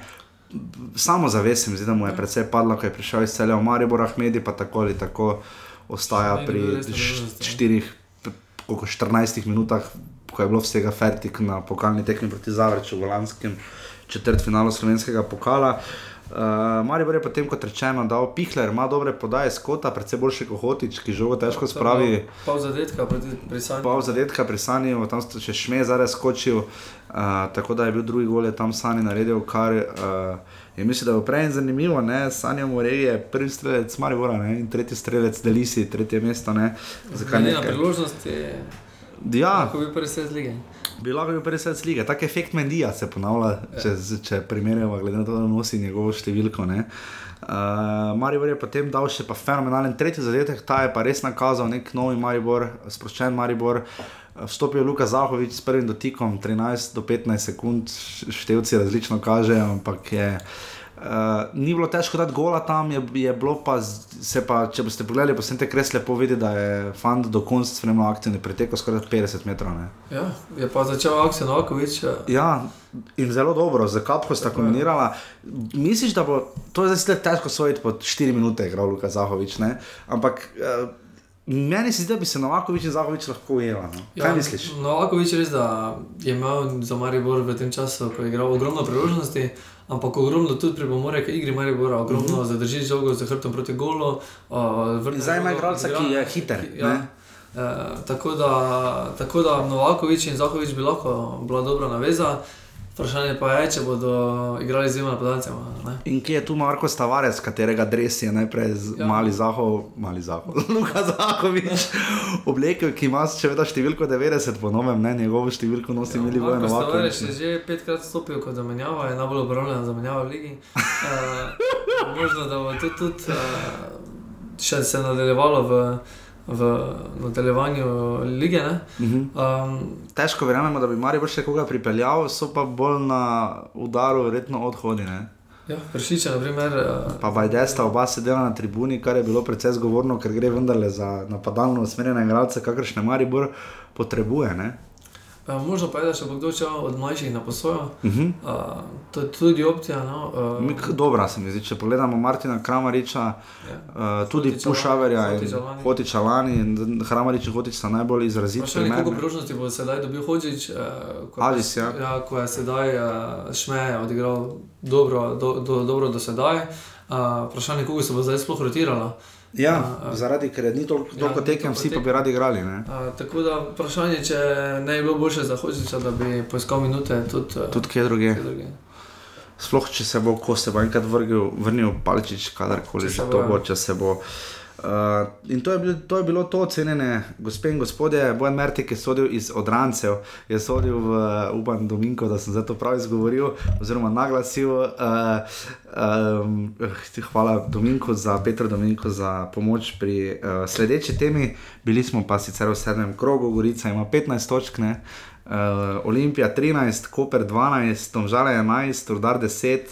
Krško 9, oziroma Marijo Vrh ima 11, uh, 11, toliko kot domžale, ampak je pred njimi zaradi gol razlike, ker na medsebojni tekmi je bilo 2 proti 2. Uh, potem so pa tu še aluminij, cel in radomlje proti dnu.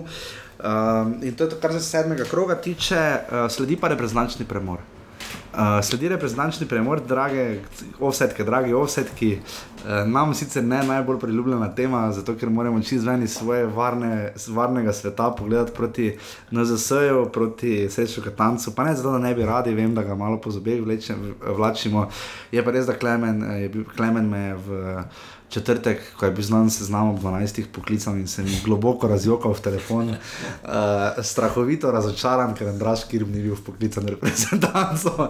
Ampak nekaj pogledamo, argument Seča Katanca je bil, ne, ponavljam, njegov argument je bil, da Kirm ni na dovolj, nadpravljen na dovolj visokem nivoju, da bi igral. Zdaj pa bodimo iskreni, nivo do sedaj pokazanega Milivoja Novakoviča in Andraža Kirma. Je pa vprašanje, koliko krat je bil prej, uh, v prejšnji sezoni, kjer na nivoju, da je upravičil poklic. Mogoče se zdaj na očeh selektorja in pač lažje ga spremlja. Uh, dejansko pa je nekaj sprememb, uh, zato je bilo pričakovati, da nekateri gledalci več ne bodo dobivali priložnosti. Uh, Miha Zajec je bil poklican v člansko reprezentanco, upamo, da bo dobil kaj priložnosti, da ne bo spet obsedel brez minut. Uh, res pa, da je samo ena tekma, tokrat ne, slovenska nogometna reprezentanca igra v nedeljo ob 18. uri v Vilni. Proti uh, zelo zahtevni Litvi, odvisno od tega, kako poslušate, in ne na zadnje reprezentanci, ki je stožic uh, ob ugasnenih reflektorjih odnesla remine, ena proti ena, ali smo celo zgubili. Ne, ena, ena, bilo, mislim. Uh, skratka, reprezentančni premor na, na Brdo je srečo Katanec razkril seznam, edini novinec na Neme, kot so že vodaj omenjali, Matic Kotnik, ki je brško ne dobil priložnost za to, ker gre, gre ga Sorčan v, v, v 21, reprezentanc v 21 ima pa v petek, da, da dame in gospodje tekmo za Irsko, zelo pomembno tekmo. Uh, držimo pesti, da bo Primožu Glihi in varovancem uspelo zdržati ta uh, ne samo dober rezultat, ampak odlične igre, ki smo jih lani gledali proti uh, zlasti Srbiji. Uh, Eh, pa tudi delno proti Italiji, tako da res držimo pesti, upajoč, da jim bo uspela nova zmaga, ker jim veliko tekem več ni ostalo do konca kvalifikacij za Evropsko prvenstvo. Um, in to je, recimo, če hočemo, da na olimpijske igre priti, to je edini način, ne? kar je ne mogoče priti, ker moraš potem, mislim, zmagati ali biti med top 3 ja. na Evropskem prvenstvu za 21. Um, tako da to je, kar se reprezentance tiče, morda uh, pač omenimo na levem boku zna biti malo problem. Ja, tukaj je Dejan Trakovski poklican, poklican tudi Petr Stanovič. Ja. ki, za katerega pa je Katanec namignil, ne, da, pač, da Stojanovič za njega okus preveč napada in očitno bo zbral. Uh, Nejca pozicije. skubica, bomo videli, kako bo to funkcioniralo. Levega bočnega sem pač omenil zaradi Jokič, ne, ki pa ni registriran ne v La Ligi, ne v Ligi Prvako za Villarreal in nima minut igralnih. Ne.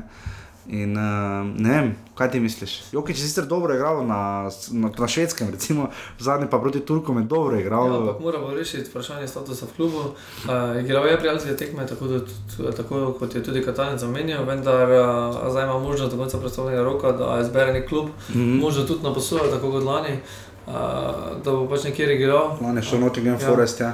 Kaj misliš, glede na pada? Videli smo, da je Walter Birsa izjemno začel uh, tekmo proti, proti Interju prejšnji konec tedna. Uh, ima dobro sezono v.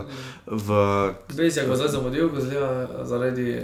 ja, nastopa. Bezjak bo zamudil, kar mu ponuja možnost. Novakoviču. Uh, Robert Berič je tukaj tudi, letos bo pa mislim, da pet slovencev vse skupaj imelo pravico nastopa v Ligi Prvakov, oziroma so trenutno v klubih, ki so v Ligi Prvakov.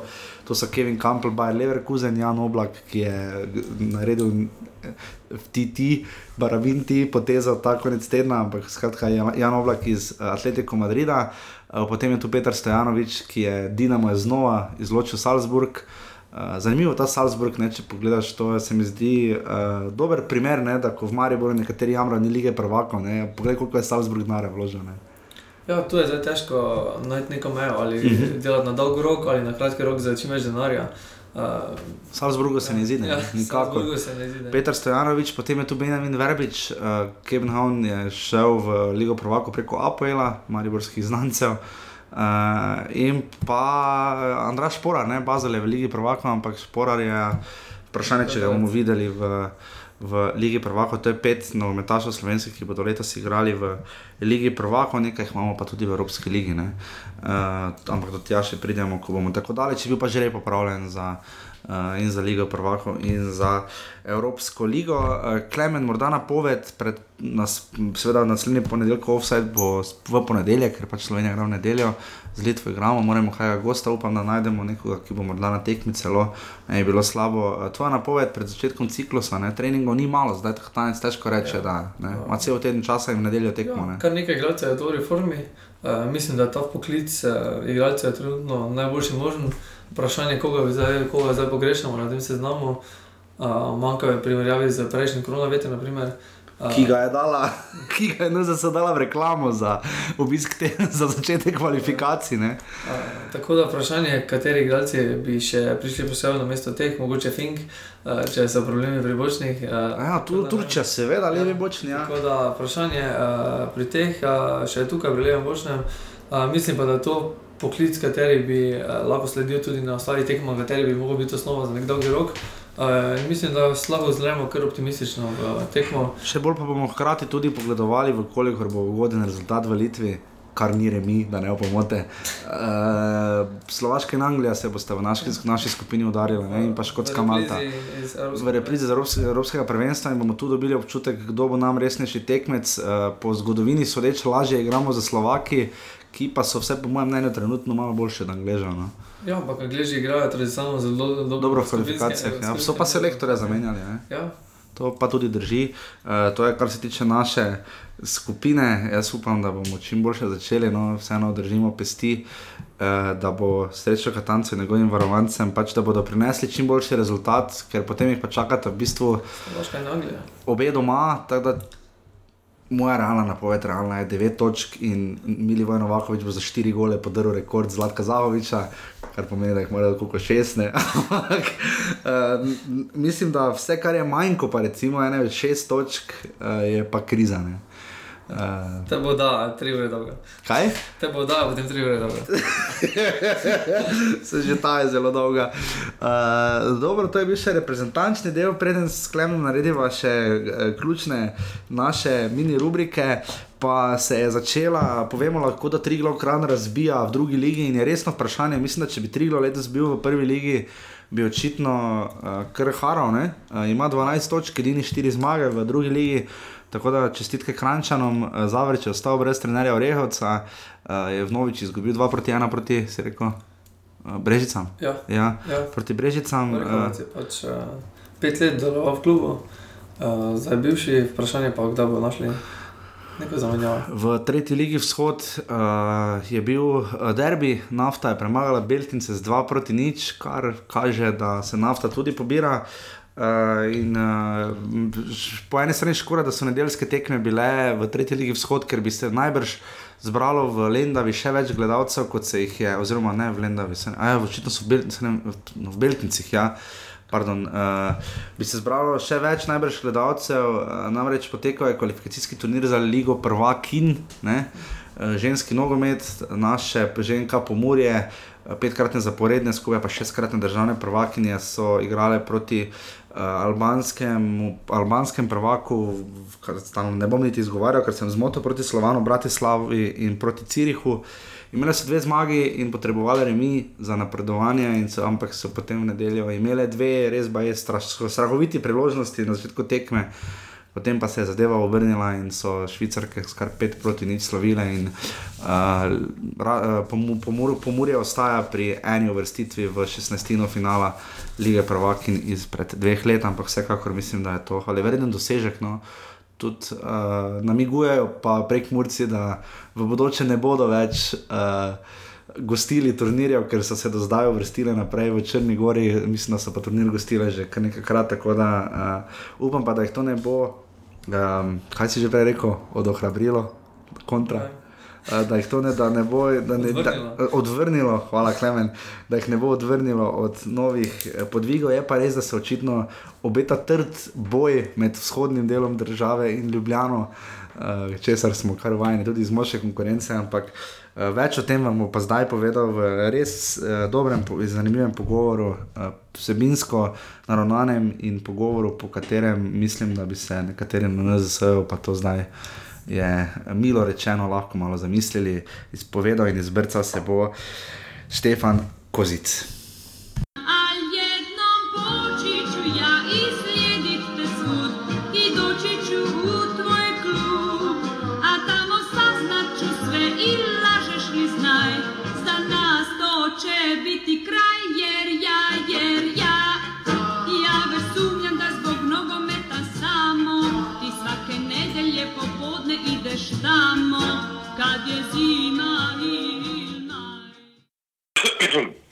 Tako, gospod uh, Kozic, še enkrat lep pozdrav. Uh, šestkratni državni prvak, že en kap umorje, kljub ki nas res dobro ali pa vse, vse zelo solidno zastopa v Evropi. Dober dan, dobro jutro.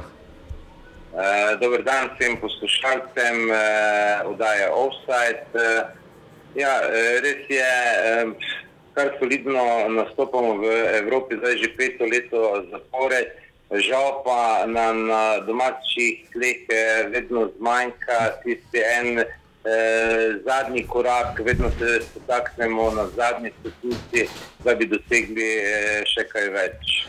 Uh, kaj bi potem rekli, kaj uh, enkrat vam je uspelo priti uh, do uh, naslednjega kroga, oziroma v tisti izločilni boj ženske lige prvakov. Uh, kaj je zmanjkalo tokrat, oziroma kaj ste ugotovili? Ne? Dobro ste igrali proti albanskim prvakinjam, zelo dobro tudi proti uh, uh, slovaškim prvakinjam. Je švicarski ženski nogomet res, je Cirih res toliko svetlobnih let pred uh, našim nogometom, oziroma pred vašim klubom?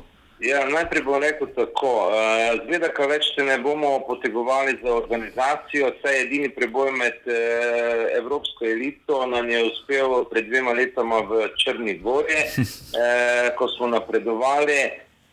Drugače pa, kar se tiče letošnje skupine, pete skupine kvalifikacij, pa moram povedati, da že v začetku, v štartu, ko smo dobili za nasprotnika iz prvega bobna ekipo Ciriha, eh, smo se dejansko zavedali, da bo letos preboj eh, zelo težek. Cirih je naj, naj, namreč po rejtingu, ki ga ima v Evropi, po eh, točkah, ki se točkuje isto kot pri moški, je 16. ekipa v Evropi. Mm -hmm. Tudi sedaj, ko so napredovali med 32, eh, se v žrebu deli 16 ekip, katere so nosilce, in 16 eh, ekip, kjer so pač eh, nasprotniki teh nosilcev in eh, Cirih, ki se je kvalificiral, eh, je med nosilci. tako da to pove o kvaliteti eh, vse. Je pa dejstvo, da nam je na uh, včerajni tekmi uh, bil zadosti že remi, uh -huh. uh, vendar pri nič proti nič rezultatu do 30 minut smo imeli dve uh, čisti, čisti šansi, ker je Cirih je šel že od štarta, da čim prej doseže zadetek. Uh, na njej je pustil nekaj prostora za proti napade uh, in če bi z tisti dveh uh, prilih zadeli enkrat. Eh, bi se verjetno potek tekme obrnil čisto drugače. To je sam povdaril tudi eh, trener eh, ekipe Curiha na tiskovni konferenci, eh, da so pač malo eh, razkirali v začetku. In eh, tudi sam omenil, da eh, če bi vsaj ena žoga tista končala v njihovi eh, mreži, bi potek srečanja bil verjetno povsem drugačen. Uh mhm. -huh. Tako da bili smo blizu, ampak še vedno zelo daleč. Je pa kvaliteta eh, dejansko na strani Ciriha, eh, so, eh, so močnejši od nas, so upravičeno napredovali in nimamo za čim žalovati. Ne. Smo pa organizacijsko.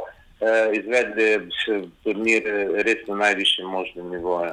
O tem verjamem, da niti najmanjšega dvoma ni. Tudi vem, da je Maribor imel uh, v Ligi Prvakov mladih zelo dobre izkušnje. Tudi v Prekmurju. Uh, nekaj mi povete, gospod Kozic, kje je tu slovenska, recimo, nogometna liga, če primerjava z moškimi, ne, kjer se potem ugotavlja, da imajo slovenski klubi težave, recimo, kot smo letos videli, ne, uh, z slovaškimi klubi, z azerbajdžanskimi klubi, da je naša liga 31 v moški konkurenci. Uh, kje je tu slovenski ženski nogomet klubski? Uh, zdaj, eh, ne vem, če je to mogoče celo pravo mesto. Ali, eh, 17 let sem v tem ženskem nogometu. 17 let eh, že spremljam eh, te bedastoče, katere počne tako država, tako nogometna zveza. Eh, tako, in kaj naj povem, mi dejansko liga je slaba, nogometna zveza za klube ne naredi nič, ne napravi nič, da bi bila liga močnejša. Uh mhm. -huh. Mi na leto odigramo v prvenstvu mogoče 3-4 močne tekme, pa pa prideš v Evropo eh, kjer nimaš ti časa, da bi si žogo na tekmo ustavil, da bi eh, duel igre je močnejša. Eh, Moje mnenje je, da ti, ti bi mogli, če hočemo neki ženski nogomet eh, imeti na neki eh, kvaliteti, eh, bi mogli, morali narediti več. Oh. Jaz imam eh, recimo 30-40 predlogov. Ampak eh, vse to za sabo potegne nekaj več dela na nogometni zvezi, nekaj več dela eh, vse posod. Eh, Nihče pa ni pripravljen, da bi kaj delal, in zato je tudi eh, klubski nogomet, eh, kjer je, pa tudi reprezentančni ženski nogomet, ni ne, na nekem eh, nivoju. Ne. Mhm, ker ko smo se vodaj pogovarjali za Saro Ljubjankič, je povedala tudi ona, oziroma je šla. Mi so njena tudi v ta smer, da se za, za nogomet odloča vedno več punc. Je tudi vaša ta nekako uh, zaznavate, tudi vi to, ker ne več kot je otrok, načeloma je tudi lažje potem priti do uspeha. Ne? Ma, eh, kaj naj vam povem, mi imamo eh, v tem trenutku eh, 100 aktivnih eh, nogometašic, eh, igramo v, z temi selekcijami, to pomeni, da nastopamo v Ligi MNZ Murska Sevo sobota, kjer dekleta igrajo proti fantom v selekcije U7, 9, 11 in 13. Na državnem nivoju nastopamo z selekcijami 13, 15, 17 in članice, uh mhm. -huh. v selekciji U13 leto celo z dvema ekipama eh, z, eh, da bi pridobili igralke. V tem trenutku nimamo težav. Mi imamo v tem trenutku težave, da te igralke nimajo kje kvalitetno trenirati. Mm -hmm. Mi mhm. obstajamo 17 let. Eh, nimamo svojega igrišča, nimamo svojega prostora, kjer bi trenirali, nimamo absolutno nič. In, eh, za moje pojme, to, kar smo ustvarili v teh 17 eh, letih, je eh, znanstvena fantastika. Ne. Jaz eh, pravim, sem ponosen na svojo ekipo, eh, eh, ki dela že zadnjih deset let praktično nespremenjena. Smo ponosni na te eh, rezultate, ki jih dosegamo, vendar počasi vsem nam prekipeva, tudi meni osebno izgubljam voljo, željo, da bi se še naprej ukvarjali s tem, ker če že imaš problem pri tem, da ne moreš zagotoviti kvalitetnega igrišča, kje boš treniral, da te si tako mediji, tako eh, nogometna zveza, kot pravim, tudi eh, eh, državni zakoni, kakšni so, eh, da te silijo v tem, da eh, recimo administracije je ogromno. Eh, Eh, nimamo pa v klubu nobenega profesionalnega eh, zaposlenega, da bi vse to eh, dokumentacijo urejal, ne vem, kaj naj to je. pa da urejate ogromno stvari. Verjamem, vem, vem, tudi spomnim se, da so v tretji ligi vzhod uh, v moški konkurenci zaradi recimo stotniških tarif bili klubi celo primorani stavkati. Bi mogoče tu bilo kaj vam lažje, pa to zdaj ne zato, ker sem z Maribora, ampak pa da bi avtomatsko na Ljubljano letelo, ampak recimo občutek dobivam, da se recimo Olimpija počasi spravlja zraven, ženska Olimpija, seveda ljubljanska ekipa.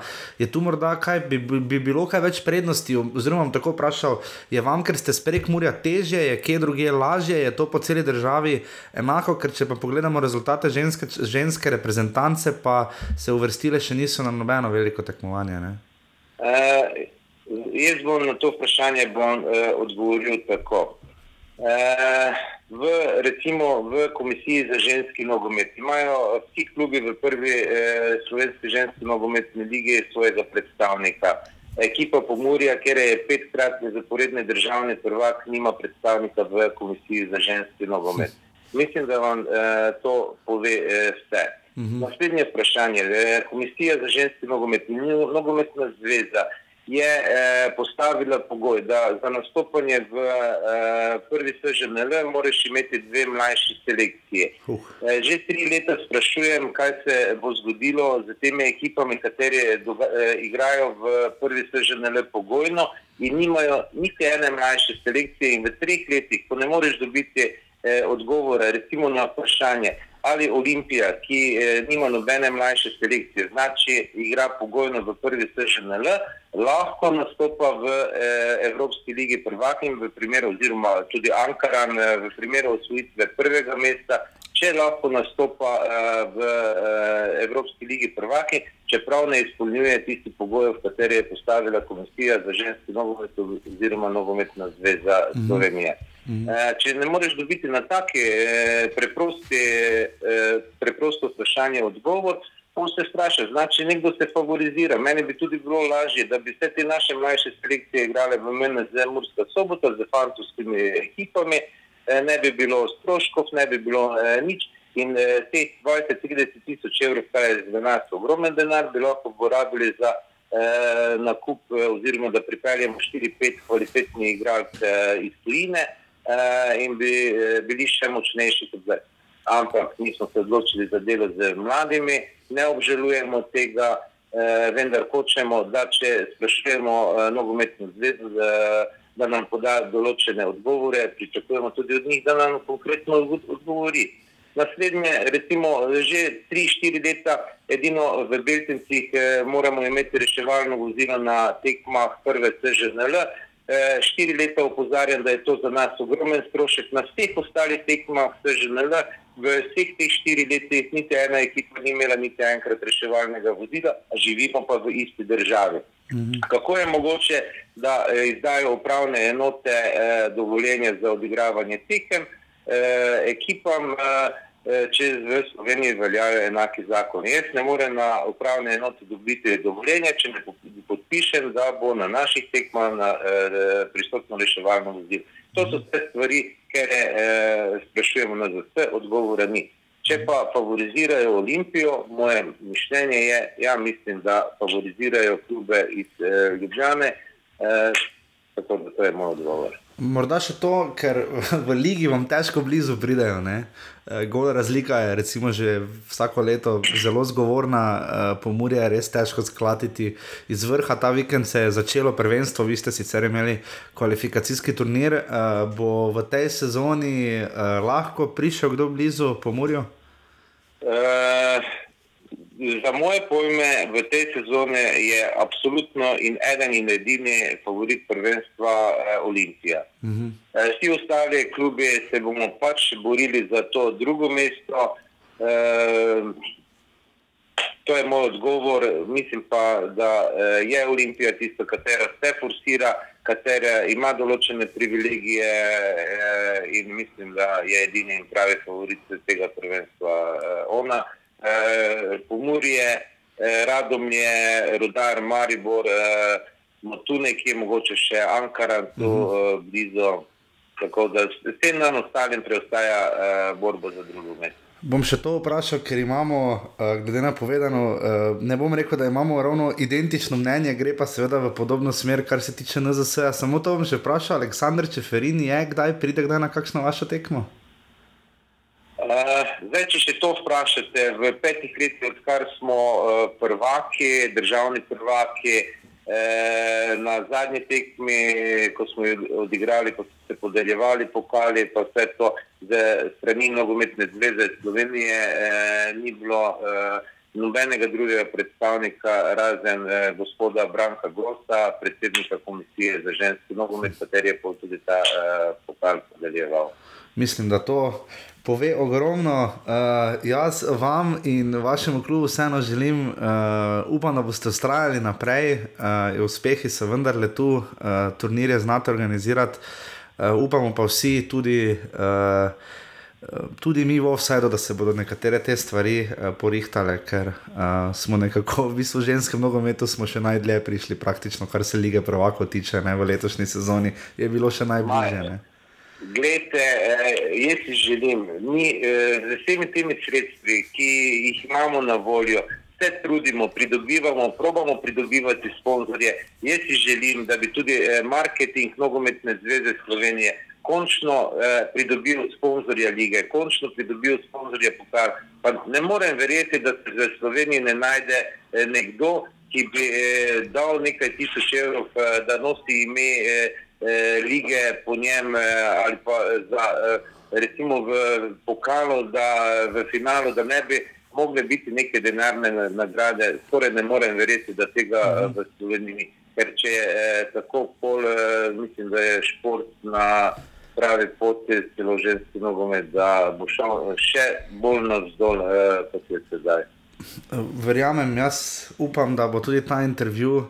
Uh, pomagal uh, na, poti, se, na poti do tega, da se bodo nekatere od teh stvari vseeno, upamo, da spremenile. No, jaz se kako držim pesti, res pa je, da vi zvenite že uh, vsaj razočarano, če ne obupano. Ne? ne, nismo obupani, nismo razočarani, vemo, to je realnost. Če bodo ta intervju poslušali na nogometni zvezi, sem pripričan, da bom še enkrat več deležen kritik eh, ampak eh, tako pač je.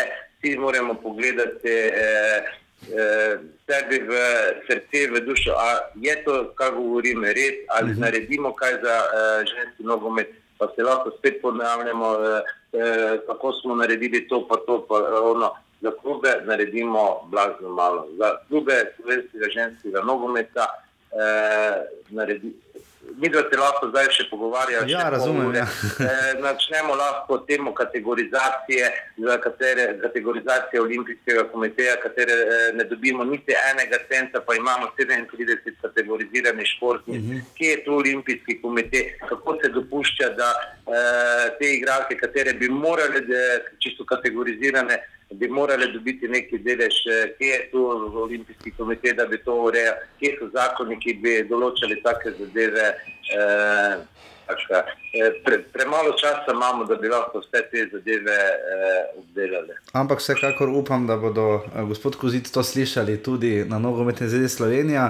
Vsekakor na, na nogometni zvezi Slovenije, vsekakor pa upamo na vseeno čim bolj pestro in zanimivo sezono, nove, novo sezono ženskega nogometa pri nas. Ne? Ja, upamo, eh, da bo.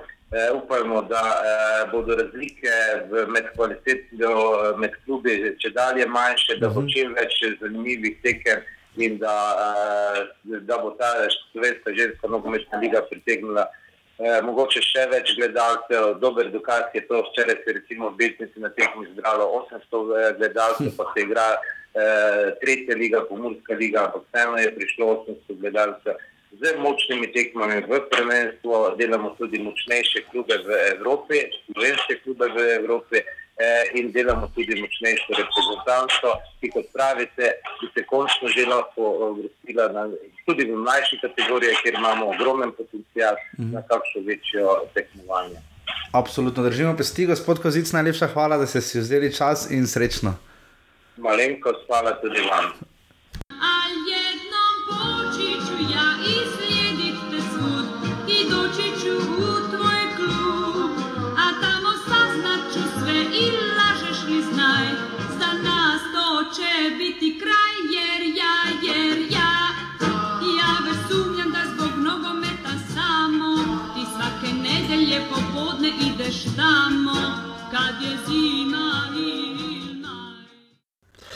Tako, to je bil Štefan Kozic. Uh, še enkrat hvala, upam, da bomo dobili tudi uh, še kakšno, potem ko se bo sezona očitno zelo razplantela v, ženskem, v prvi ženski nogometni ligi.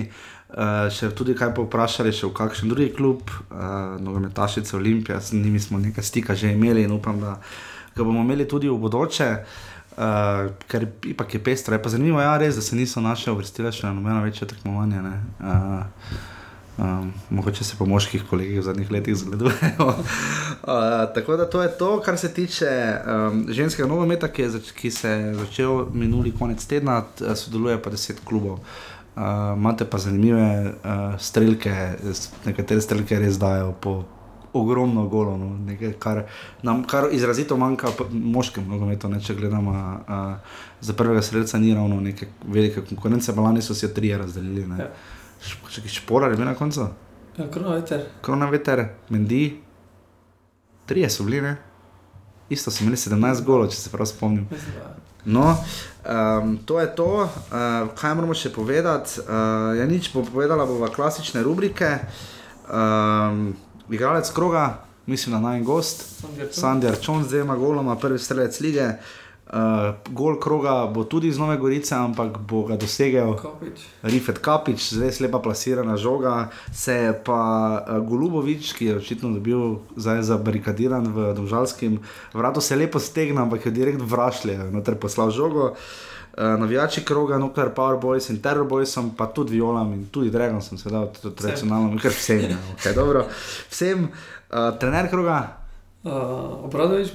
Iz Kopra definitivno smo rekli, zakaj ne. Ja, presenetili so ko ste več zmagali. In pa menjava kroga, mislim, da se strinjamo, lahko Luka Zahovič. Uh, prišel, video zabil ne, uh, v štirih minutah, bomo pa videli, v Hrenu vedno je res malo igral, v prvi ligi sem šel gledati zbral 139 minut v enem letu, kar je res malo, je pa igral v B, za B ekipo v uh, drugi ligi, nizozemski, predvsem mislim na druga liga. No. Uh, uh, da tam je ta prav, to pravilo možno. Uh, dolžno smo še našemu zvestemu poslušalcu, ki je poslal tako lep mail, Matjaš je poslal res izjemen mail, tudi tebe omenil. Uh, uh, se mu zahvaljujemo za uh, besede podpore, res uh, lepo prebrati tak mail. Je pa postavil eno zanimivo vprašanje, rekel za taktiko kroga. Uh, sva sklepno malo že predodaj predebatirala, ampak mislim, da smo vseeno grede s hico hnala noter. Uh, bova zdaj povedala, taktika kroga. Um, vprašanje je, recimo, zakaj se, če ni opcija, kot imamo, recimo, problem, ne, nima ga samo Maribor, ni ga imela samo Olimpija. Ima ga recimo tudi slovenska reprezentanca, ravno smo menjali Bojan Jokič, Dejan Trajkovski in potencialno Matic v štango bi se zaletel za Olimpijo Fink. Uh, uh, zakaj recimo ne, ne trenerji ne reskirajo in ne dajo nekega iz, nekoga iz desnega peka na levega? Ja, to je zelo težko uh, nekoga natrenirati, pretvoriti v roko enega tedna iz levega v desnega. Ali iz desnega v levega. Ali, ali drugače, največji problem je pri levičarjih, ker jih je premalo v, v celi enajsterici, primerjavi z drugimi igralci, a, tudi v dveh reprezentancih in vse posod, da so tisti levičari, so pač tudi cena njihova je tudi dosti večja. Um, vprašanje pa je, a, če je možno, da, da ob manjku igralcev lahko nekoga pretvoriš v, v iz desnega, levega, levega, desnega, ker pač problem je na tistih težkih tekmah Evrope in tako dalje, da, da pri, pri predložkih Videli smo, da lažje pretvoriš iz desnega štopera v desnega bošnega, tako kot mhm. sme. Uh, vprašanje pa je, če lahko uh, bi videl, da je igral na desni strani. Ne. Smo povedali tudi Anželkovič, ki je šel iz ja. na štopera. Ja, to, je, to je možno, ja, ampak uh, tudi, tudi na štoperskih položajih je razlika, če greš na levi ali na desni strani. Uh -huh. uh, naprimer pri Olimpiji je drugačna situacija, ker igrajo z tremi od zadaj. Um, dejansko pa je to zelo težko.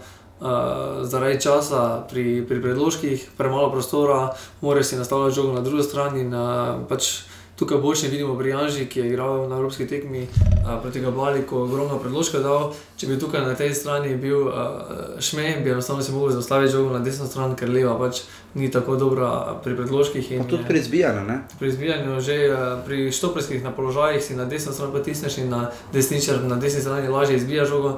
Uh, Izbija stran proti stranski črti, ne? in dejansko je to pomembno vsaka sekunda pri izbijanju, pri tajmingu. In, uh, in na takih nivojih je zelo težko transformirati igralce. Matjaš, mene je Klemen uh, zelo potešil s tem odgovorom, upam, da je tudi tebe, spoštovane mame, ki pa to poslušate. Pa, uh, če imate otroke, sina ali hčerko ali vičarja, dajte jih igrati fusbal, je pa res, da je precejšna konkurenca. Da je Igor Kokoško, oziroma ne oni, uh, spoelstra, trener Miami, povedal, da je treniral kar tri slovenske košarkare, ki so bili vsi levičari. Uh, to je zelo zanimivo. Uh, tako da uh, to je to, uh, diplomirali smo na levem beku z desno nogo v 52. offsajdu. Uh, upam, da smo uh, bili zelo egzaktni, da nismo bili predolgi. Uh, vse v najboljši veri in meri, da bi seveda, vam prinesli čim več dogajanja v slovenskem nogometu. Če imate predloga koga za reprezentanco, če poznate koga, ki bo videl na tekmi, nam pišite na osetafnourbani.com za ponedeljkovega gosta. Um, čaka nas kvalifikacije, uh, offset kroga, pa bomo tokrat, uh, ne bomo izjemoma spustili, pač je vse povedal, mislim, da smo slišali v, v prejšnjem intervjuju. Um, Je nič, a ja, offset smo še štela s Klemom, seveda, Klemen je mi tu zelo pomagal, ker je še bil malo šlampast, pa smo prišli nazaj. Vodita Maribor in celje z 18 offseti, uh, sta si jih porazdelila, Rudar jih ima 17, kar Te preseneča? Ne. Bolj me preseneča, da jih ima ta Gorica in Aluminij oba 16. Ne? In na domžale, ki so lani imeli zelo nizko število vsedov, jih imajo 15, potem jih imajo radome 10, predvsej manj, pol manj, ko imajo celih 9 vsedov, pa imajo krško Olimpijo in Koper. Ne? Na Koper je imel 5 vsedov. Ja, 5 vsedov, 4 je imel do tega kroga.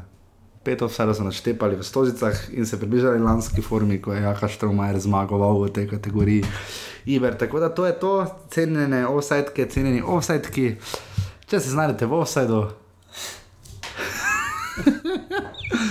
Če se znajdete v offsajdu, uh, je nič, gledajte, tekme slovenske nogometne reprezentance. Klemen vam bo do ponedeljka pripravil referat na temo zgodovina offsajda v slovenski nogometni reprezentanci, ker bom Klemen pogledal, da ima največ offsajdov. To mi zdaj imel, zih je rudonja. Čeprav, čeprav na dva sta vašla z žogo, teda to si težko v offsajdu. Uh, tako da to je to, če se znajdete v offsajdu. Ja. Uh, borite, da je Lazare, vidiš, on ni vpoklican, ne? Ja. Od tako bolj zvenečih imen. Ja, pakir. Pa, uh, pa Luka Zahovič ni bil poklican v portugalsko reprezentanco, malo heca na stran. Uh, tako da to je to, se slišimo potem spet v ponedeljek, uh, ko nam bo srce razbilo na, uh, na, temi, na, na tekmi Litva, Slovenija. Uh, potem pa se liga z osmim krogom že nadaljuje. Uh, Klemen je svojo tablico že zaprl, da bi vam še prebrali pare. Um, uh, bo Klemen to naredil, boš ti naredil, naredim jaz. No, ja. zdaj, vsi uh, pari so zdaj napisani 10.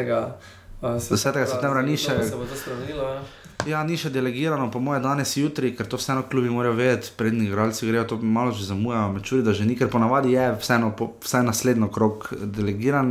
Me pa zanima, ali bo zdaj, jaz bi si želel in zdaj razumem Mateja Klinca Klinota, zakaj je lani vseeno si želel, da bi Olimpija da igrala v soboto, ker Maribor za skoraj da vse tekme igra v nedeljo zaradi Evropske lige.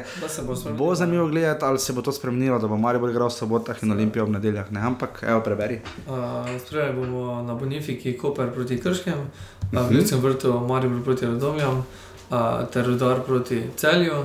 V Domžalah bomo spremljali Domžale Alumini, ter na Stožicah Olimpija Gorica, mali derbi.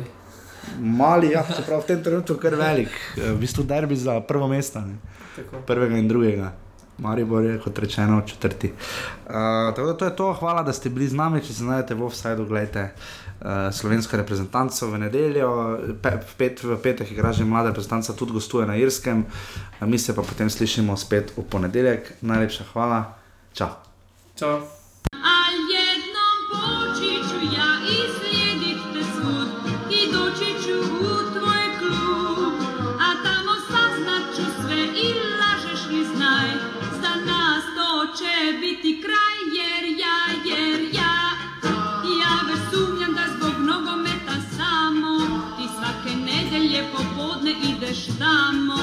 Ti